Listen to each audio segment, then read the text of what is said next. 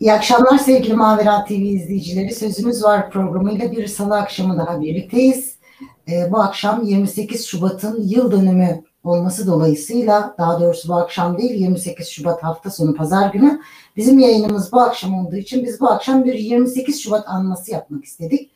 28 Şubat'ta 28 Şubat'ta tabii ki 1997'den almıyoruz. Onun öncesi de var. Ee, daha öncesinden başlatarak da e, bir takım konulara değineceğiz. 28 ee, Şubat'ta neler olmuştu onları hatırlayacağız. Biliyorsunuz 28 e, Şubat postmodern darbe olarak literatüre girmiş e, bir darbe ve o süreçte muhafazakar insanlar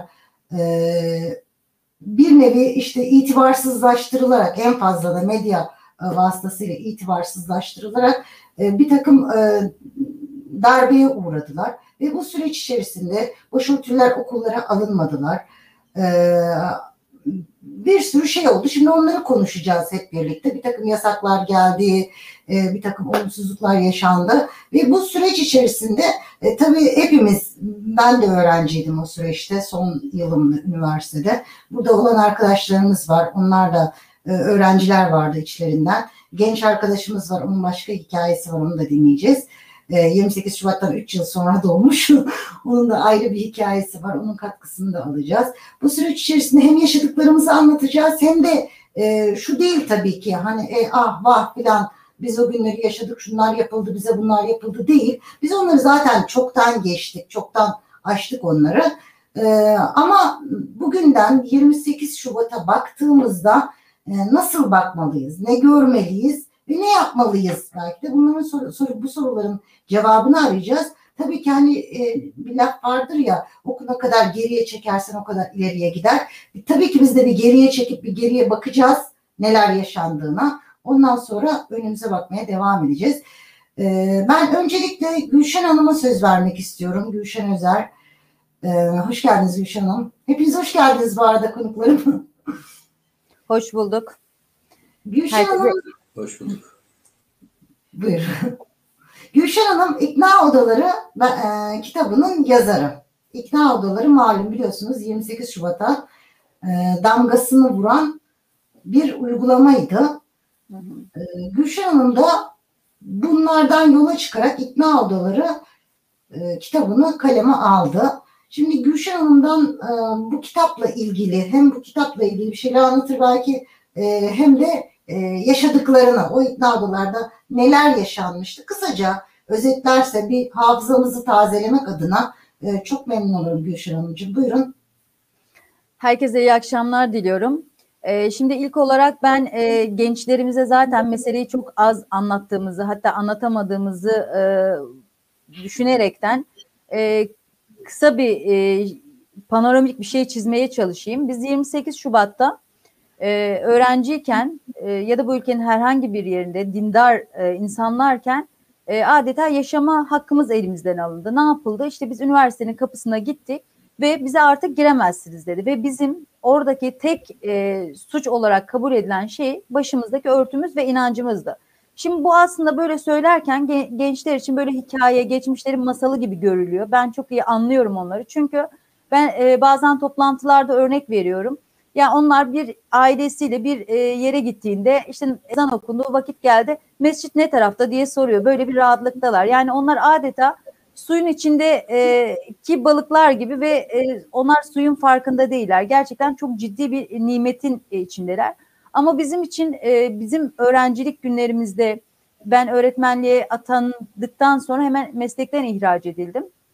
Öyle bir atmosfer vardı ki bu ülkede e, eğer Allah'a inanıyorsanız ve e, inançlarınızı yaşamaya çalışıyorsanız size hayat hakkı yoktu. Yani ben bunu sadece eğitim hakkı yoktu diye sınırlamak da istemiyorum. Çünkü e, askerlerin, öğrencilerin, öğretmenlerin, memurların, her kademedeki memurun yani devlete bir şekilde değen herkesin inancını yaşamasında ciddi bir kısıt vardı.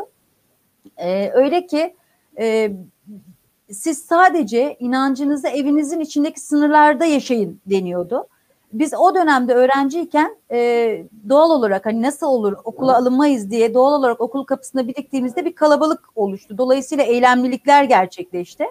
Ben o eylemlilikler sayesinde dördüncü sınıf öğrencisiydim. Diplomamı alabildim. E, fakat e, bu eylemlilikleri engellemek, e, belki de gerçekten bizim inanarak örtüp örtmediğimizi test etmek. E, çünkü inanmıyorlardı. Yani bir kadın nasıl olur da başını isteyerek ve severek e, örtebilir diye buna inanmıyorlardı. Bunun için ikna odalarını kurdular. Ben ikna odalarına giren kardeşlerimin o gün e, oraya e, Avcılar kampüsünde içeriye girip ağlayarak çıktıklarını e, hatırlıyorum. O gün notlar almışım. Daha sonradan da e, bir iki yıl geçtikten sonra 2002 yılında e, Beyan Yayınları'nın sahibi Ali Kemal Temizler e, Bey ile bir röportaj için gitmiştim. O zaman şöyle demişti yani çok ciddi bir şey yaşandı aslında ikna odaları kuruldu. Hani bunu hiç kimse kaleme almadı.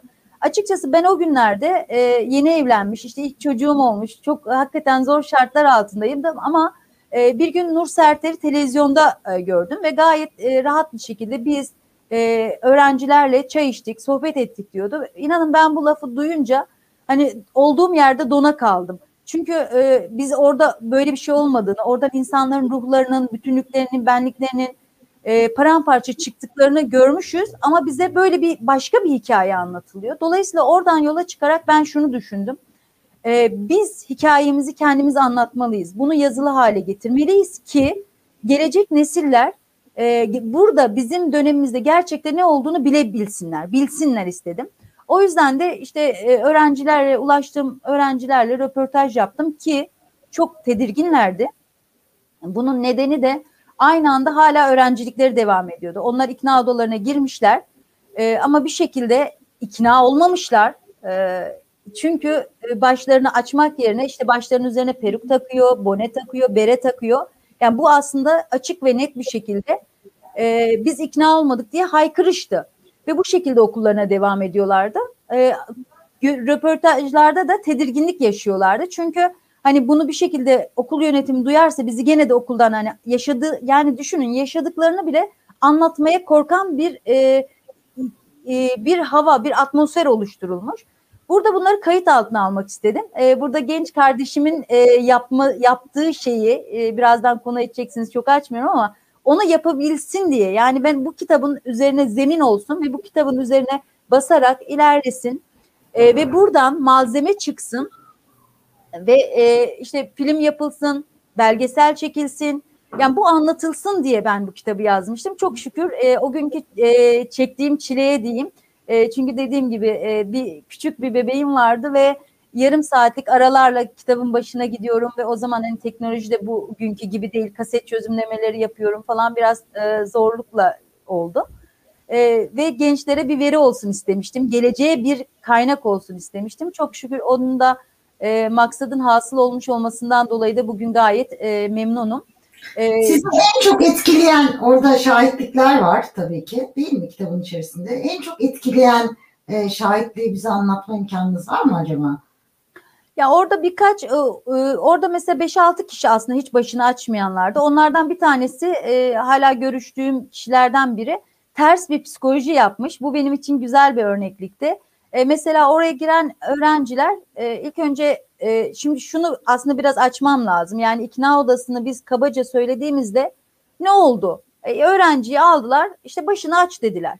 Hani böyle baktığınızda hani bunun neresi işkence gibi algılanabiliyor. Yani psikolojik bir işkence adını neden koyduğum tam belki bu kaba tasvirden anlaşılmıyor. Ama şöyle söyleyeyim. Birincisi bu odalara giren herkesi tecrit ederek aldılar. Bakın bu basit gibi görünüyor ama çok önemli. Yani ben benim gibi başörtülü biriyle biz birlikte gelelim. Ne diyeceksiniz ikimiz de söyleyin. Bunu asla kabul etmediler. Sizi tek başınıza bir odaya alıyorlar ve siz daha liseden mezunsunuz üniversiteye kaydınızın yapılmasını arzu ediyorsunuz. Çünkü çok zorluklarla e, kazanmışsınız. Bunu lise sondaki mesela öğrenci kardeşlerimiz izliyorsa onlar nasıl çalıştıklarını çok iyi biliyorlar. Ve e, o hakkın elde ettikleri hakkın ellerinden alınmasını biraz hayal etmeye çalışsınlar. Ve tek başına sizi aldığında bir erkek kameramanla sizi çekiyor ve diyor ki şu anda burada başını açmazsan e, kaydın hiçbir şekilde yapılmayacak. Bakın e, burada tabii bunun öncesinde işte çok güzelsin diyor. Yani bu ne demek? Başındaki örtü seni çirkinleştiriyor. Bakın psikolojik bu genç bir insan için kolay bir şey değil. Dayanıklı olmak zor aslında bunlar karşısında. Ve de karşınızdaki sizin e, hele şu, bugünün gençleri için yine anlaması zor olduğunu e, kabul ediyorum ama e, benim yaştaşlarım çok iyi e, bilirler ki bizde öğretmen, hoca demek ister okul içinde ister okul dışında e, tartışmasız saygı gösterdiğimiz, saygı duyduğumuz kişilerdi. Sözlerinin üzerine söz söylemeyi düşünmediğimiz kişilerdi ve liseden çıkan bir genç için karşında üniversite hocası oturuyor. Yani ona hayır demek de çok zor e, bir durum. E, dolayısıyla e, burada zaten sizin ailenizle ilgili bilgi var. Başına işte isminizin başına kocaman bir T harfi yazılmış. Yani planlı, programlı, e, bilinçli bir şey. E, eğer siz işte biraz Evet. böyle E ne oluyor? Tesettürlü mü? Valla onun içini doldurabilirsiniz. Tesettürlü, terörist, e, türbanlı olur, tehlikeli olur. E, te, bayağı bir kavram içine sığıyor. E, ve e, size bunları teklif ettiği zaman siz eğer hani biraz e, inanç üzerinden zayıfsanız size mesela Kur'an'da olmadığını, işte bu FETÖ'nün füruat meselesini gündeme getiriyorlar falan. Yani aklınıza gelebilecek e, her türlü donanımla üzerinize gelen bir e, şey var ve siz o anda tek düşündüğünüz şey öğrenim hakkını kaybetmemek. Şimdi orada hani ilginç e, hatırladığınız bir şey var mı dediniz? Elbette var. Nevin e, Öner diye bir arkadaşımız.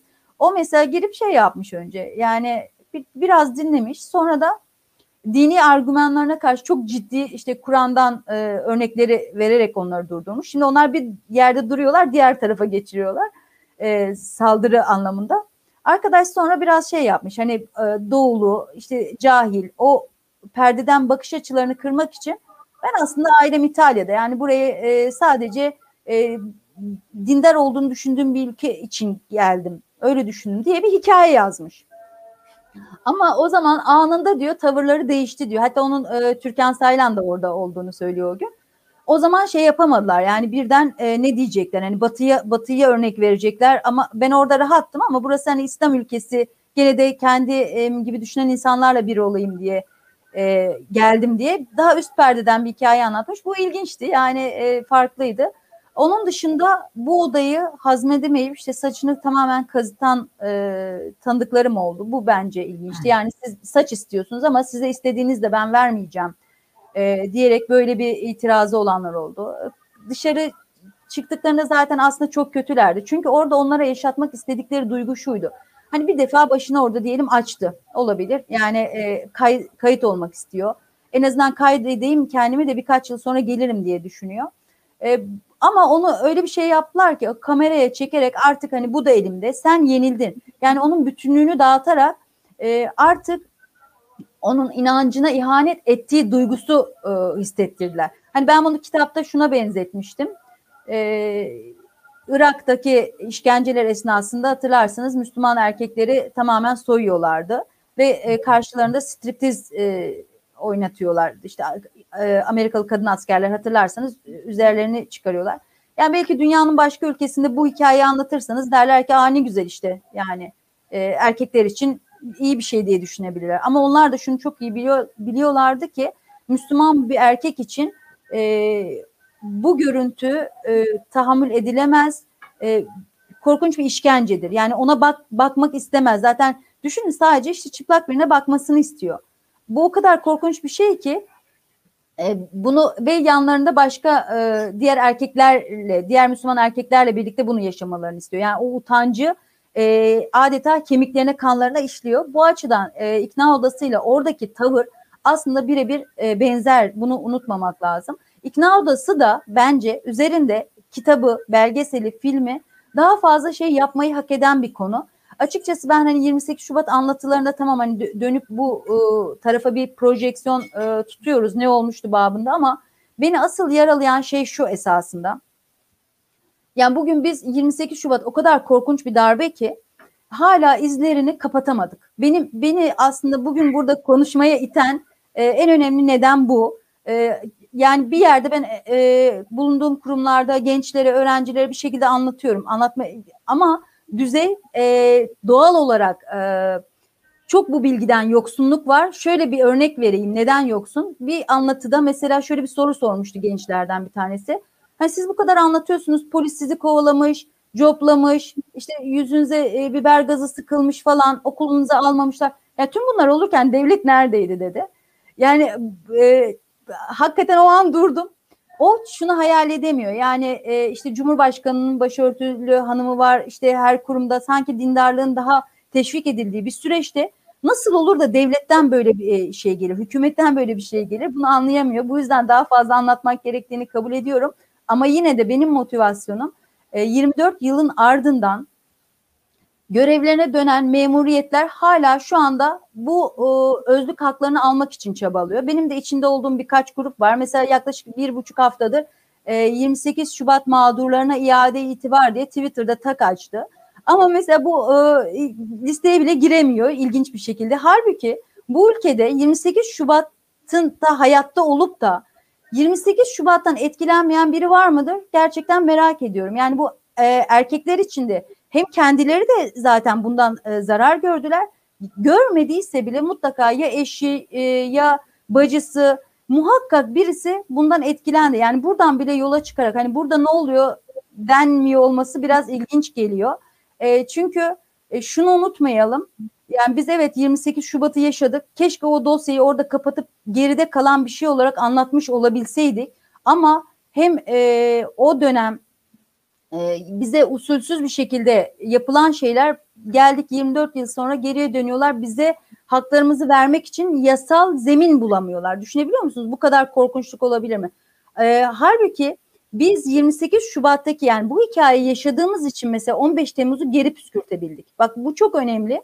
Çünkü e, 28 Şubat'a bir daha kimse dönmek istemedi. Hiçbirimiz dönmek istemiyoruz. Yani bu ülkede e, bunun bu meseleyi e, çok uzağında duranlar da gerçekten o gün ne olduğunu anlamadıkları için başka kampta, başka yerde duruyorlar bugün.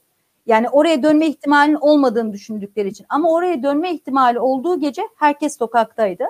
E, o yüzden 28 Şubat meselesinin o dosyanın tamamen e, temizlenmesini ümit ediyorum ben. Ve şöyle bir e, şey aktarmak istiyorum. Biz 28 Şubat haklarımızı alırken yani bugün alamamamızın nedeni bu bürokratik kadrolarda ben FETÖ'cü pek çok kişinin olduğunu hala olduğunu düşünüyorum. Çünkü çok yakın bir zamanda biz ataması olduğu halde öğretmenliğe başlatılamayan arkadaşları Milli Eğitim Müsteşarı e, konuya e, e, müdahale etti ve böyle bir düzenleme yaptı ve bu arkadaşların tekrar göreve dönmelerini sağladı. Diyelim ki işte çarşamba günü yönetmelik ayarlandı. İşte bu arkadaşlar başvurularını yaptı, alındı. Fakat pazartesi ya da işte cuma günü onlara telefon geldi. Hayır böyle bir atama yapılmadı, hepiniz iptal oldu. Mesela biz o gün şok olduk. Nasıl böyle bir şey olur? Yani bu konuşuldu, dilekçeler yazıldı. Sonra e, gene e, arkadaşlar çabalarıyla ulaştılar Müsteşar Bey'e Meğer o aralıkta bakın o e, tekrar bu yapılan hak iadesinin iptal edildiği aralıkta Müsteşar Bey Umre'ye gitmiş. O ha, o andan fırsat bilen e, kişiler de bu e, hak iadesini hemen iptal etmiş. Yani biz o anda o kişiye ulaşamayabilirdik. Bu anlattığım hikaye de çok eski bir hikaye değil. İnanın 4-5 yıl öncesine dayanan bir hikaye. Ve ben şu anda yaşadığımız e, hikayenin de e, aynı şeyle e, muhatap olduğunu düşünüyorum. Çünkü Cumhurbaşkanımızın bize e, dönük hakları e, verilmemesini öngördüğünü düşünmüyorum. Çünkü yumruklarımız sıkı sıkı sabrettik, sabrettik dedikten sonra bir günde kamuda ve her alanda e, bu e, hak iadelerini, başörtü serbestliğini yaptıysa bize ait eğer hukuk bir hak e, öngörüyorsa bunun verilmesini arzu ettiğini düşünüyorum. Mesela e, KHK'dan dönenler... Mı Gülşen'cim? Sıra arkadaşlarımız da var. Bir toparlayalım. Bir, bir tane bir şeyle e, e, vurguyla bitireyim öyleyse. Hani biz şimdiye kadar bu hakkın gerekliliğini, ol, olabilirliğini belki zorlanıyorduk anlatmak için. Ama KHK'dan dönenlere bakın arada kaç yıl oldu? Daha 4-5 yıl. E, devlet eğer KHK'dan dolayı memuriyetten ihraç ettiyse bugün eğer haklarında yeteri kadar delil yoksa görevlerini iade etti bu kimselere. Bunlar görevlerine döner dönmez bütün özlük haklarını aldılar ve hatta e, öğretmenlikte mesela ek dersin faizine kadar geriye dönük e, paralar da aldılar. Ha, bizim meselemiz tabii ki bir para meselesi değil. E, biz çok e, kıymetli bir mücadele verdiğimizi düşünüyorum. Biz bu mücadeleyi verirken de ne yanımız, ne önümüz, ne arkamız, ne bugünlerin gelebileceğine dair bir ümidimiz vardı. Hiçbir şey yoktu. Biz sadece gerçekten Rabbimizin rızasını gözettik. Yine bunu gözetiyor birçok arkadaşın tek düşüncesi bu. Ama dünyada da eğer hak almak da dinimizin bir emri ise bunun da şu anda talebini dillendiriyorlar. Ben e, sizin aracılığınızla onların sesi olmuş olup e, bunu ifade etmiş olmak istedim. Çok teşekkür ediyorum. Çok teşekkür ediyorum değindiğin konulara. Ee, zaten hani e, alınmamış bir sürü hak da var. Yani e, daha henüz verilmemiş bir sürü hak da var. İade itibar meselesi var. Artı mesela öğrenciliklere dönebiliyorlar, memuriyete dönebiliyorlar ama bir e, sınav diye bir şey var. Gencecik yeni mezun olmuş çocuklarla, gençlerle işte 40 yaşına gelmiş bir kadın aynı sınava tabi tutuluyor. E nasıl geçsin o sınavı da nasıl hakkını alsın bu saatten sonra? Bunlarla karşılaşan ve bunları aşamayan pek çok e, kadınımız e, var. Bu da bir gerçek. E, bir de Hüsnü abi şimdi sana döneceğim ben. E, bir de şunu da söylemek istiyorum. Ayrıca bu haklarımız hani şu anda e, var olan haklarımız e, okuma hakkı, çalışma hakkı vesaire bunlar en ufak bir iktidar değişikliğinde tekrar elimizden gidecek mi? Hani bunun bir garantisi var mı yok mu? Biz buna bir güven e, duymuyoruz yani böyle bir güvenimiz yok. Elimizde herhangi bir güvence de yok. Bu konuda ne düşünüyorsun Hüsnü abi? Hem bunu soracağım. Haklarımız konusunda neler yapılabilir? E, bunu anlatmanı isteyeceğim. Bir de e, tabii sadece başörtüsü meselesine tekrar döneceğiz. Tanık arkadaşlar da var. Onların da e, tanıklıklarını dinleyeceğiz. E, ama bir de 28 Şubat mahkumları diye e, hala mahkumiyetleri devam eden mahkumlar var. Yani bunlar da ben e, konu edinmek istiyorum. Özellikle Sivas davası hiç dokunulmayan ha, e, yani ben, ben bu akşam dokunmak istiyorum hepsine. Hüsnü abi senden de dinlemek istiyorum. Buyur. Öncelikle tabii şu hak mevzusunu geçelim. Ondan sonra 28 Şubat mahkumlarına değinelim. Ee, bizim Türkiye gibi yasaların sık sık değiştiği ya da e, e, siyasetin ideolojik e, temellere dayalı yapıldığı ülkelerde herhangi bir hakkın garantisi yoktur. E, anayasa e, metnine konulan bir e, hak belki kısmen güvence teşkil eder. Ama onun dışındaki kanunlar değişiyor. Bir gecelik bir e, şey vardır. Eğer iktidar değişir, e, yeni gelen iktidar sizin e, eğitiminizi başörtülü olarak yapmanızı e, engellemek istiyorsa ya da kamu kurumlarında e, kılık kıyafet e, sınırlaması getirmek istiyorsa kesinlikle getirebilir. Buna yönelik hiçbir engelleyici şey e, kanun yok maalesef. E, konulamaz da yani böyle bir engelleyici bir şey de yapamazsınız. Yani şimdi diye, denilebilir ki mevcut iktidar niçin yapmıyor? Anayasa değişikliğini bile biliyorsunuz. Şimdi bir anayasa önerisi var. E, gelin bir toplumsal sözleşme yapalım. E, dolayısıyla bütün 83 milyon insanı temsil eden bir anayasa olsun diye e, söyleniyor ama malum e, birçok e, siyasi grup e, sıcak baktığı yok. Dolayısıyla böyle parçalanmış e, siyasi e, iradelerin e, yürütmeyi götürdüğü bir ülkede e, hakların garanti altına alınması e, mümkün değil. O çerçevede e, geçmişten ders alarak geçmiş de bu zulmü yapanların, ikna odalarını kuranların ya da eğitim haklarımızı elimizden alan zihniyetlerin mümkün olduğu kadar iktidara gelmemesi için e, söz sahibi olmaması için gayret etmenin ötesinde bir çözüm göremiyorum. Yani öbür taraftan şöyle düşünmek lazım. Dünya ahiretin tarlasıdır. Buradaki amellerimiz öbür tarafta bizim e, şeyimiz olacak. Kazancımız olacak. Dolayısıyla iktidar değilse yine e, getirseler bir yasak 28 Şubat'ta mücadele ettiğimiz gibi yine bir mücadele edeceğiz. Edenler edecek, etmeyenler e, sağ olsun onlar başka bir yol izleyecekler. Ama e, öbür tarafa olan hazırlıklarımız devam edecek demektir. Ben konuya böyle bakmak gerektiğini düşünüyorum. E, e, diğer taraftan e, 28 Şubat ya da geçmişteki olaylardan ders alarak geleceğimizi e, o derslere bina edersek bence yanılmayabilir. Yanılmayız ve bu hakları kaybetmeyebiliriz. O yüzden 28 Şubat'a bakmak şart ve gerekli. Ee, onun için e, şöyle devam edeyim. E, 28 Şubat e, bahsettiğiniz gibi tabii ben biraz e, bu o, hapislerle ilgili kısmına değineyim. Diğer kardeşlerimiz öbür kısımlara evet. değinirler.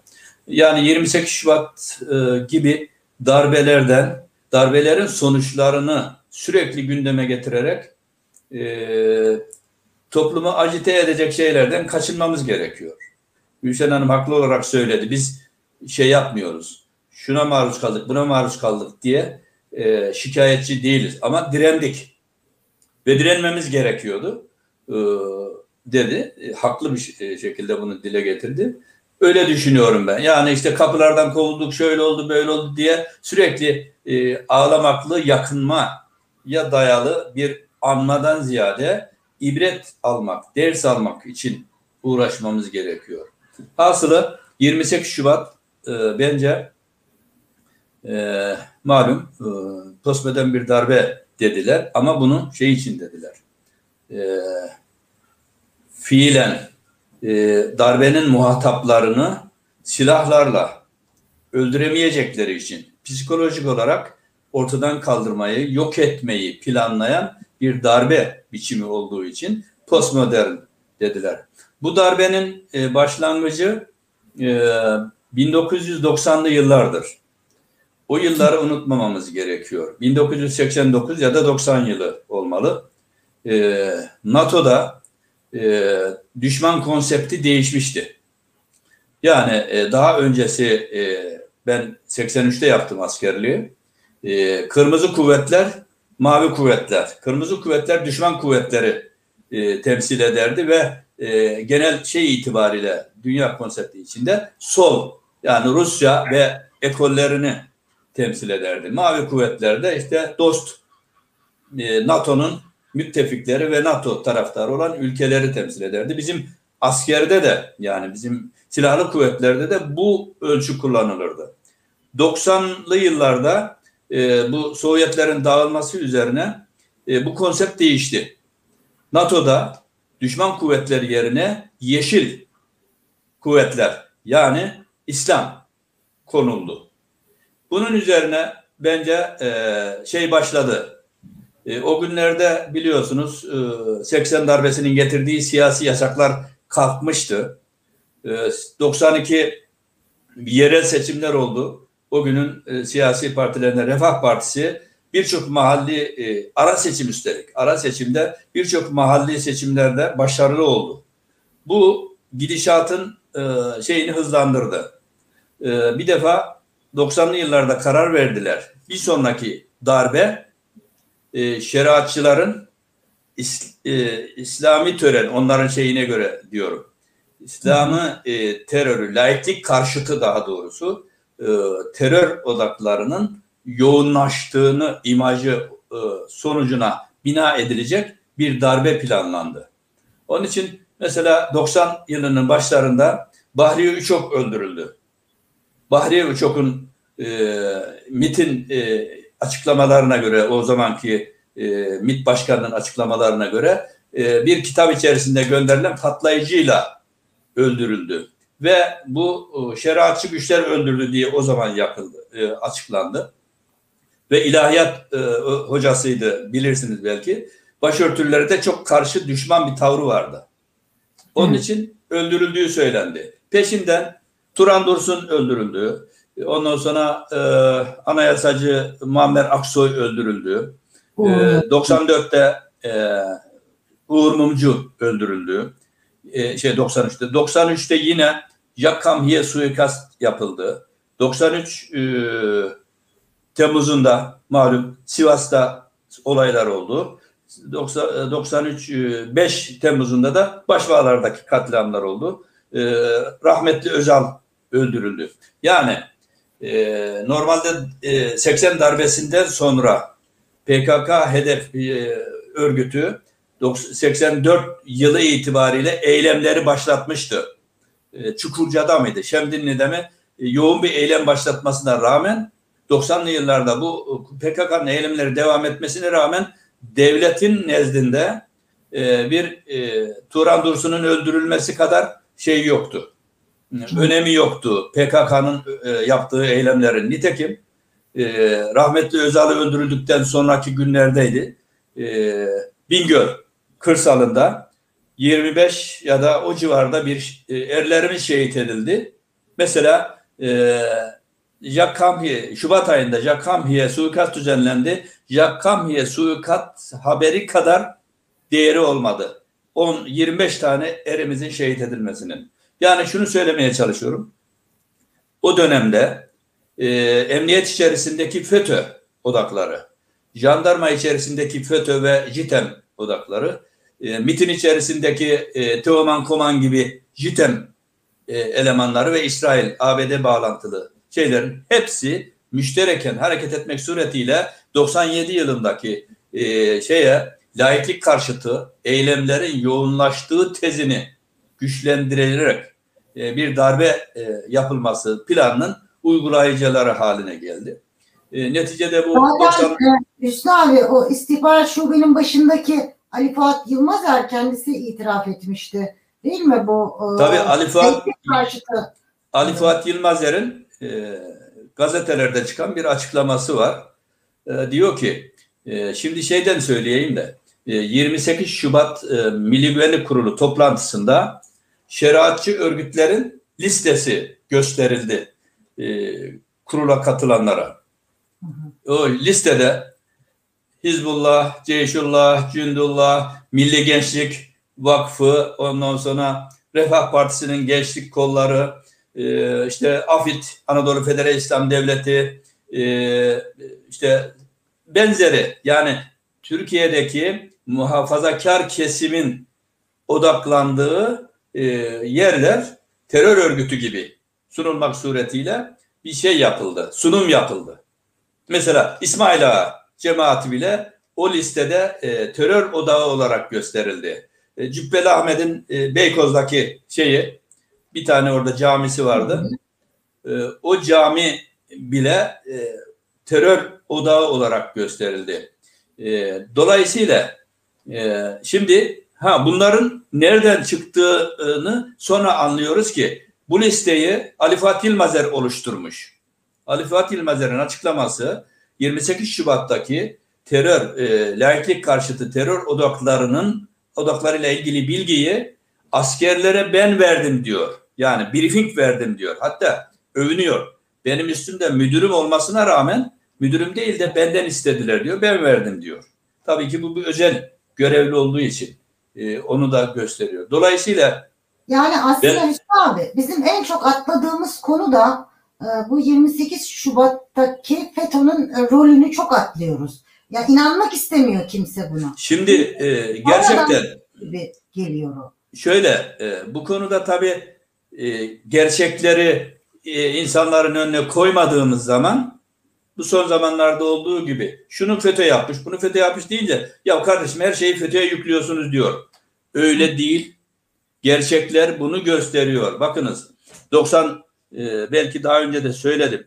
98'in başlarında e, bu şey başladığı zaman daha doğrusu İstanbul Üniversitesi'deki yasaklar başladığı zaman e, bana e, 50-100 kişi belki öğrenciler vekalet getirdiler. E, davalarımızı açalım diye. Aldık vekaletlerini, davalarını açtık.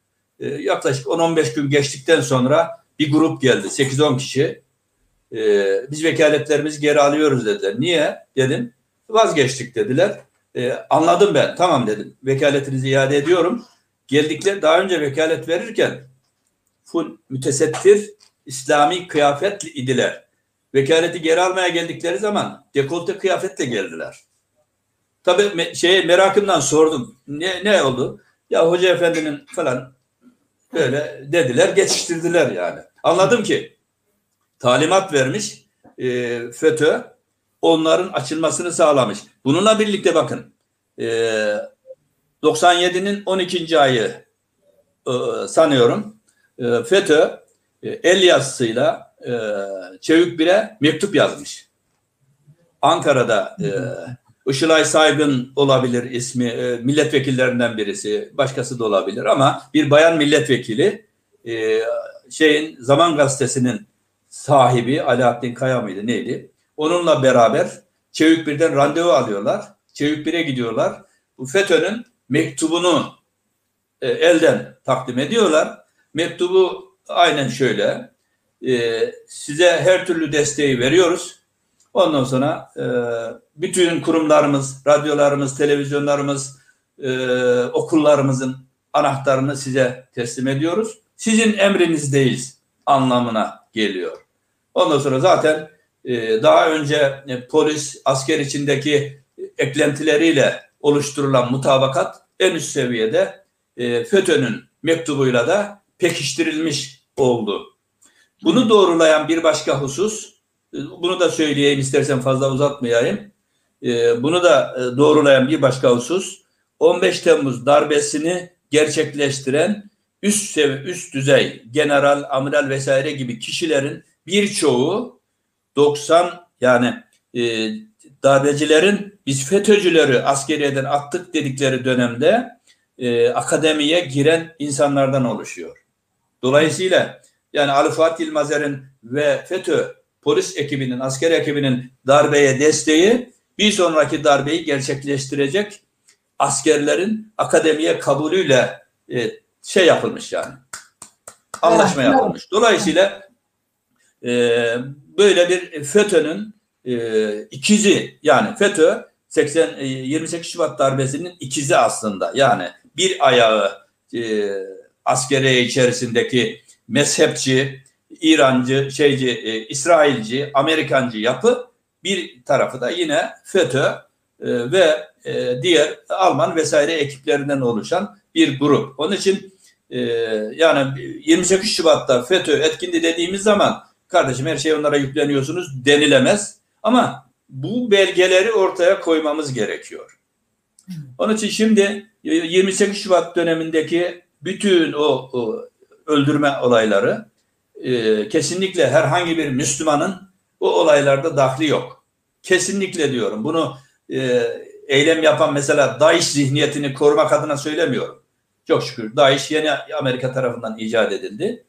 O zamanki eylemlerin tamamı FETÖ ve MIT içerisindeki İsrailci kanıt tarafından işlendi. Nitekim Uğur Mumcu'nun öldürüleceğine dair o günün Milli İstihbarat Teşkilatı'nın bir yazısı var başbakana gönderilen. Ve e, Demirel'e soruyorlar. Bu şey doğru mu? Olay doğru mu demeye getiriyorlar.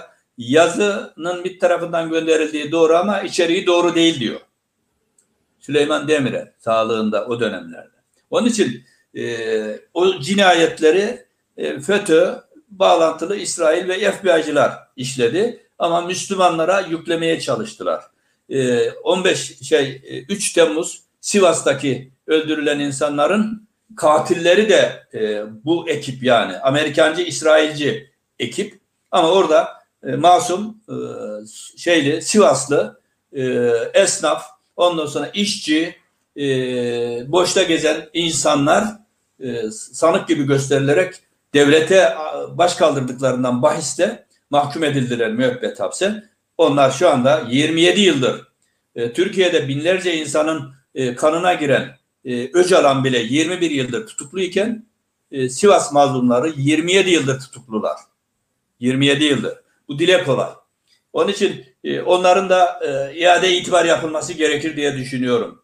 Öbür taraftan yine bir kısım tutuklar devam ediyor. Çok şükür birçoğunun e, çıkarıldı. E, onlarla ilgili şeyler hallediliyor ama e, Sivas e, davası Sivas'tan, Sivas'tan korkuluyor bir de herhalde. Yani laik kesim çok mu fazla e, şey yapıyor, üzerine gidiyor? Ya şöyle Neden e, korkuluyor? Hiç açılmıyor bile konu. Şöyle e, dediğimiz gibi böyle siyasetin kaygan olduğu e, bir zemindeyiz Türkiye'de. Malum böyle tarafların gelip gittiği bir e, zemin yaşıyoruz.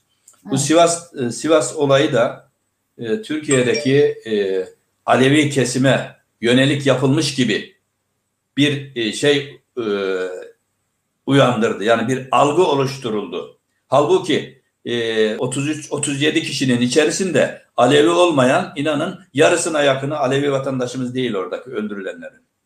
Ama bir e, Alevi e, programı e, çerçevesinde gerçekleşen olaylar sonucunda ölümler olduğu için özellikle derin yapılarla, istihbarat birimleriyle bağlantılı e, DHKPC ekibi diyorum ben onlara. Onlar her dönemde e, bunu gündeme getirmek suretiyle kamuoyunu etkilemeye çalışıyorlar. Dolayısıyla siyasiler, yargıçlar, bilmem kimler e, böyle bir büyük bir tepkinin altında kalmaktan kalmayı göze alamıyorlar.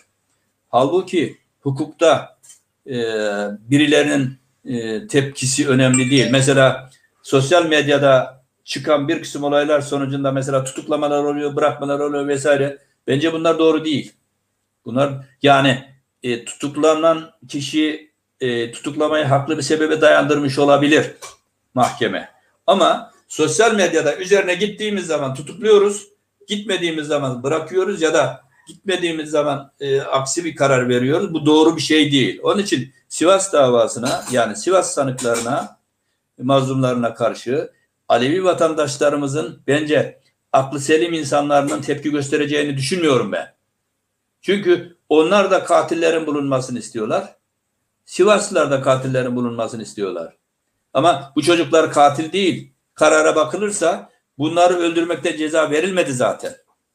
Onun için e, inşallah e, bu baskılardan e, zihnini arındırmış hakimlerimiz e, bu konuyu ele alırsa ben kısa sürede çözüleceğine inanıyorum.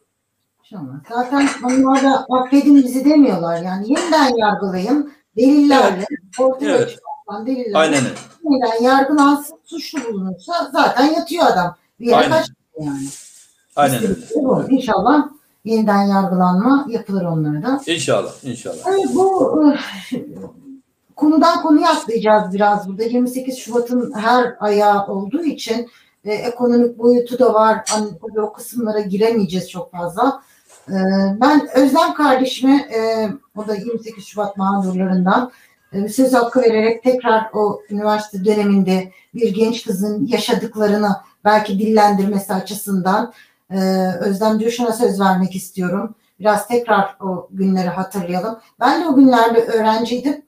E, biz Marmara Üniversitesi'ndeydik. Benim son senemde 99 e, mezun olduk. Biz şöyle mezun ettiler. Bizim ikna odalarımız şöyleydi. Bizden imza alıyorlardı. Önce bir topladılar bizi odalara. İşte başınıza şu gelebilir, memur olamazsınız, memur olursanız işte bu imzalar karşınıza çıkacak. Bakın bu lafı hiç uzatmıyorum ben. Bu imzalar sizin karşınıza çıkacak. Sonra biz de gitmiştik avukatlara. Hüsnü abi biz de gelmişizdir sana. Burada e, Gülcan, Gülcan ablalar falan vardı. O, onların yanına gittik. Bize şey dediler korkmayın imzanızı verin başörtüsüyle girin. Biz öyle yapmıştık. İmzamızı verdik başörtüsüyle girebildik o sene. Tabii ertesi sene hiçbir şekilde imzada kurtarmadı. Özlem de o günleri yaşamış olan bir e, kardeşimiz. Özlem senin tanıklığın nasıl oldu? Biraz da sen anlatabilir misin? Tekrar iyi akşamlar diliyorum ben. Ee, tabii bugün konuşmak, e, konuşulan konu açısından e, direkt muhatapları düşündüğümüzde çok kolay değil. Mesela Gülşen Hanım'ın kitabını e, alıp alıp e, bıraktığımı ve benim gibi birçok insanın sonuna kadar okuması için çok zaman harcadığını biliyorum. Çünkü o psikolojiyi tekrar yaşamak hiçbirimiz için kolay değil. E, şimdi şöyle bir şey söyleyeyim e, sevgili Sevda. E, ben mağduriyet diye sadece ben değil birçok arkadaşımız Gülşen Hanım da aynısını söyledi. Yorgunu dedi. Ben de diyorum ki e, 28 Şubat'ın sonrasında hayatına yön vermeye çalışan insanlar açısından bu aynı zamanda bir kahramanlık hikayesi. E, ve hiçbir zamanda izleri bitmedi çünkü e, hikaye başka türlü evrildi ve hikaye hala aslında devam ediyor. Çünkü e, şu soru hala hepimizin mutlaka zihninde. E, rahmetli Ahmet Kaya'nın dediği gibi hani benim gençliğim nerede? Yani herkes e, gençliğiyle ilgili olarak şöyle bir dönüp baktığında e, gençlik heyecanlarını düşünür, gençlik hayallerini düşünür. Şimdi bizler gençliğimizle ilgili şöyle bir dönüp baktığımız zaman neler hissediyoruz?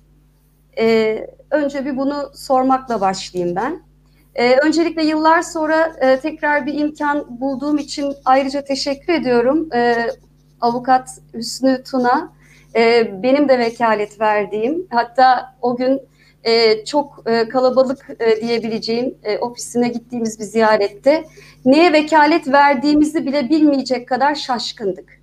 Çünkü şu şekilde ben durumu özetleyeyim. E, ben İzmir'den e, üniversite sınavını kazanarak üstelik İstanbul Üniversitesi Edebiyat Fakültesi Türk Dili ve Edebiyatı bölümüne 8. olarak girmiştim. Başbakanlık bursunu kazanan bir öğrenciydim. Başarı bursuydu bu o zamanlar için. İyi bir şey yaptığımızı düşünüyorduk. Çünkü bulunduğumuz üniversitelerde e, hakikaten e, başarı diliminde e, kendini ispatlamış olanların e, girdiği bütün bütün üniversiteler için mutlaka emek gerekiyordu ama ben İstanbul Üniversitesi özelinde konuşmam gerekirse hiçbir disiplin suçu o güne kadar işlememiş. E, devletine vergi ödeyen ailelerin çocukları olarak ÖSYM'nin açmış olduğu iki turlu sınavları o birinci ya da ikinci yüzdelik dilimde başarıyla kazanmış öğrenciler olarak e, eğitim hayatına üniversitede başlamıştık.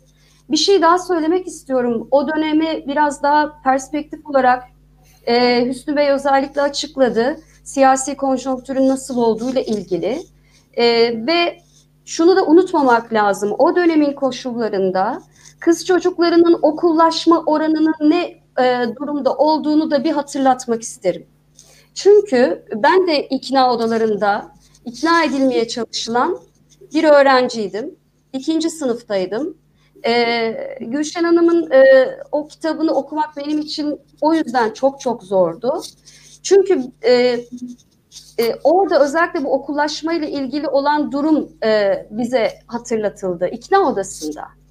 Ve e, öğrenci kimlik kartlarımız ikna odalarında e, o insanların karşınızda bir sanki bilimsel jüri varmış gibi birkaç kişi oturuyor. E, mutlaka içeride bir erkek var ama benim benim girdiğim odada e, erkek kamerada değildi, karşımdaydı. Ve biz birer kişi alınmamıştık, iki kişi olarak alınmıştık. Çünkü orada da bir psikolojik hamle, ben bir iletişim uzmanı olduğum için daha sonrasında e, kişiler arası iletişimde bu tür tekniklerin aslında neden yapıldığını e, öğrendim. E, ama o zamanlar sudan çıkmış balıksınız, 18 yaşındasınız ve e, neyle karşı karşıya olduğunuz hakkında en ufak bir fikriniz yok. Okula giderken birdenbire e, devlet suçlusu ilan ediliyorsunuz. Bakın medyadaki e, Gülcan, sevgili Gülcan bundan bahsedecektir. Terörist damgası yiyorsunuz. E, ve ikna odasından e, devamlı bahsedersem içeri girdiğimizde iki kişi olarak alındık. E, hiç unutmuyorum Ağrı'dan gelmiş bir e, birinci sınıfı okuyan e, bir arkadaş vardı. Yandaki sandalyede oturan. Ben de vardım. E, ve nereli olduğumuza kadar e, denilenler çok doğru. Hakkımızdaki e, aşağı yukarı genel çerçevede bilgiler önlerinde vardı zaten. E, ve önce benden başladılar. Ben bir İzmirliyim.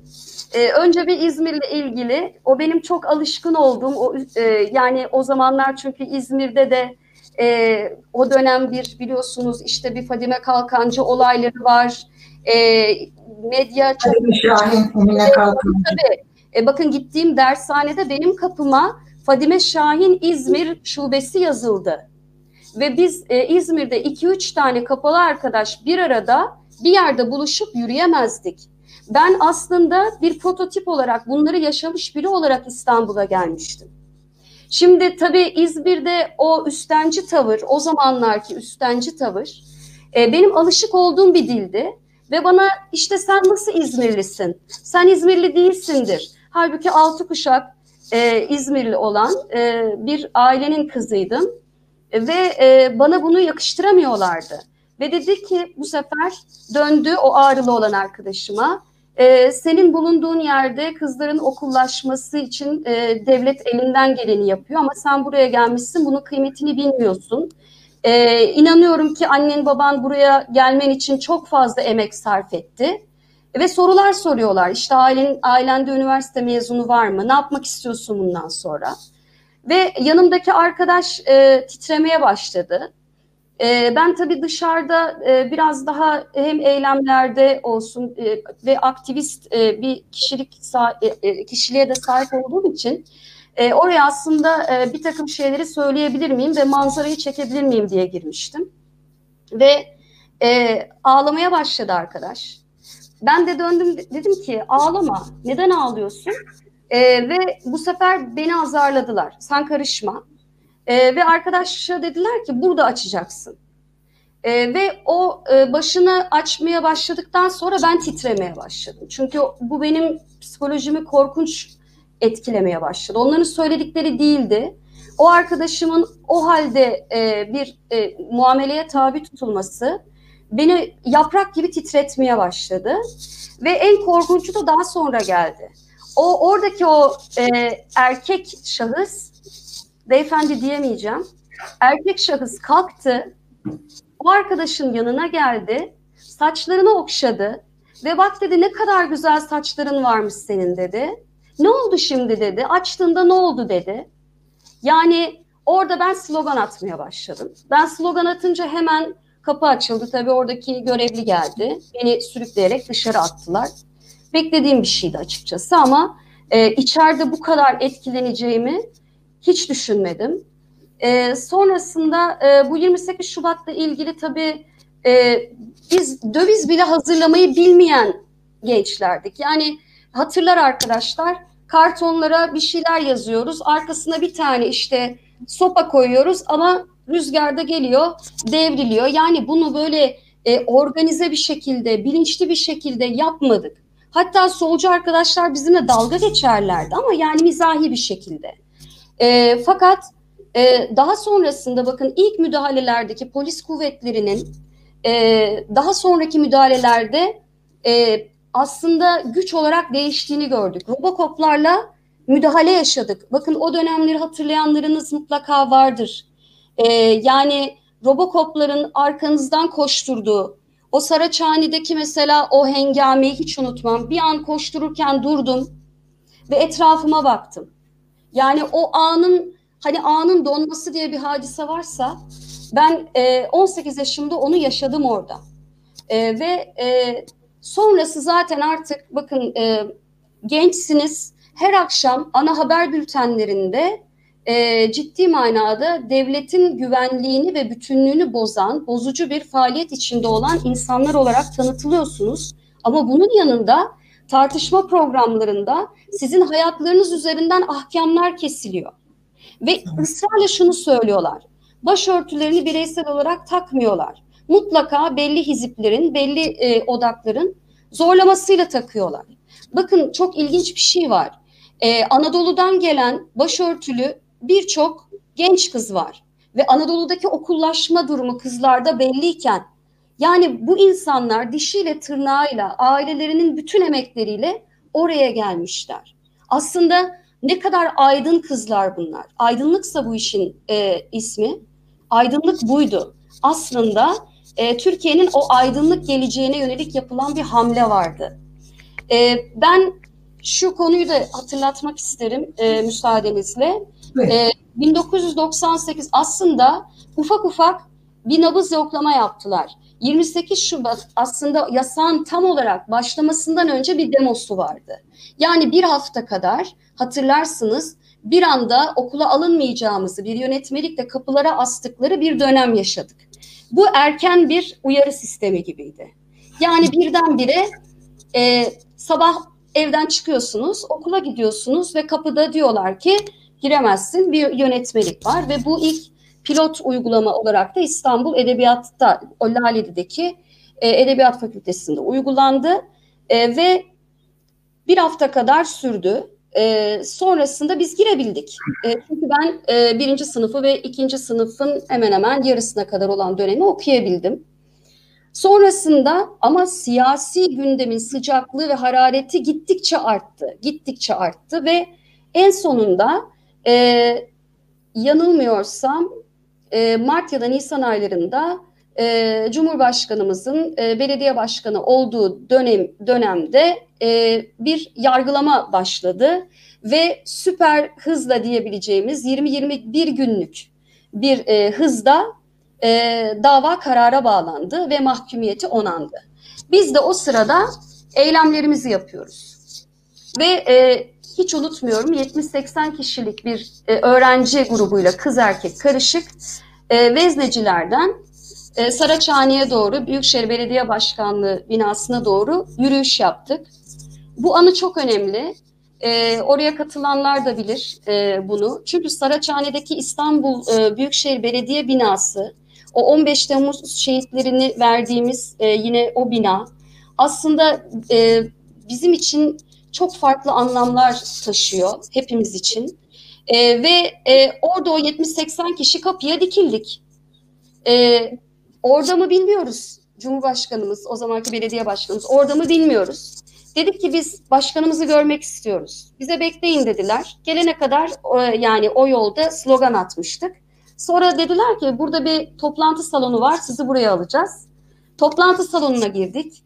E, ama bu sefer artık kurumsal bir yerdeyiz. Biraz daha sessiziz. E, sonra e, Cumhurbaşkanımız e, kapıdan girdi. O girince ciddi bir sessizlik var zaten. Ve e, ağlamaya başladık. Yani ciddi manada ağlıyoruz. Çünkü kendisinin hapse girmesi çok müferit bir olay değil. Hiçbirimiz için değil. Ee, sadece öğrenciler için değil tabii. Ee, milletimiz için de öyleydi. Ee, ve o kadar e, bekledi e, ve dedi ki bize e, elini yine her zaman olduğu gibi kalbine koydu. Gençler hoş geldiniz. Evvela üzülmek yok. E, biz bu yola çıkarken her şeyi göze aldık. E, yaşadıklarınızı biliyorum ve hep birlikte yaşıyoruz. Sizden tek bir isteğim var dedi. E, sizi neden engellediklerini unutmayacaksınız, vazgeçmeyeceksiniz, daha çok çalışacaksınız. Şimdi bana söz verin dedi. E, ve biz orada bir söz verdik. Ben e, İstanbul Üniversitesi'nde Edebiyat Fakültesi'nde bütünlemelere kalan bir öğrenciydim sevgili Sevda. E, daha sonrasında bir yurt dışı, o yurt dışına giden o ilk ekibin içindeydim ki Kıbrıs'a gittim. E, Kıbrıs'ta tabii e, 28 Şubat'ı hep kötü anılarla anmayacağım. E, bunu gençlere anlatıyorum çünkü. Hani dedik ya gençlere anlatamıyoruz. Aslında gençlere e, anlatabildiğimiz yerler var. Şimdi bir Z kuşağımız var. Bakalım Evet, ne kadar anlatabilmiş soracağız. Evet. E, ve orada e, Kıbrıs'a çok hızlı anlatıyorum. E, çünkü e, bu süreçler Evet, hakkında her birisi Aynen. her birisi e, üzerinde çok şeyler yaşadığımız süreçler ama e, burada hakkını teslim etmem gereken e, sevgili Sevda isimler var. E, Allah rahmet eylesin. E, yani tam bir cesur yürekti. O e, rahmetli Hasan Celal Güzel. E, o dönemde e, ki Batı Çalışma Grubu'na karşı verdiği mücadeleyle e, hepimizin zaten gönlüne taht kurmuştu.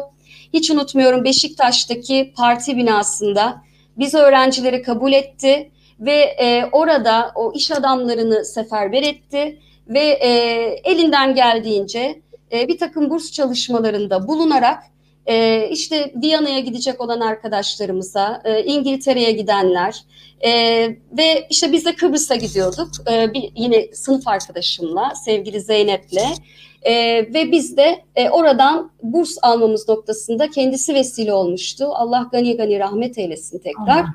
Ve biz Kıbrıs'a gittik. Kıbrıs'ta bize 28 Şubat süreci bıraktı mı? Hayır bırakmadı. E, ön kabul almıştık. O zamanki e, Doğu Akdeniz Üniversitesi'nden o zamanki diyorum.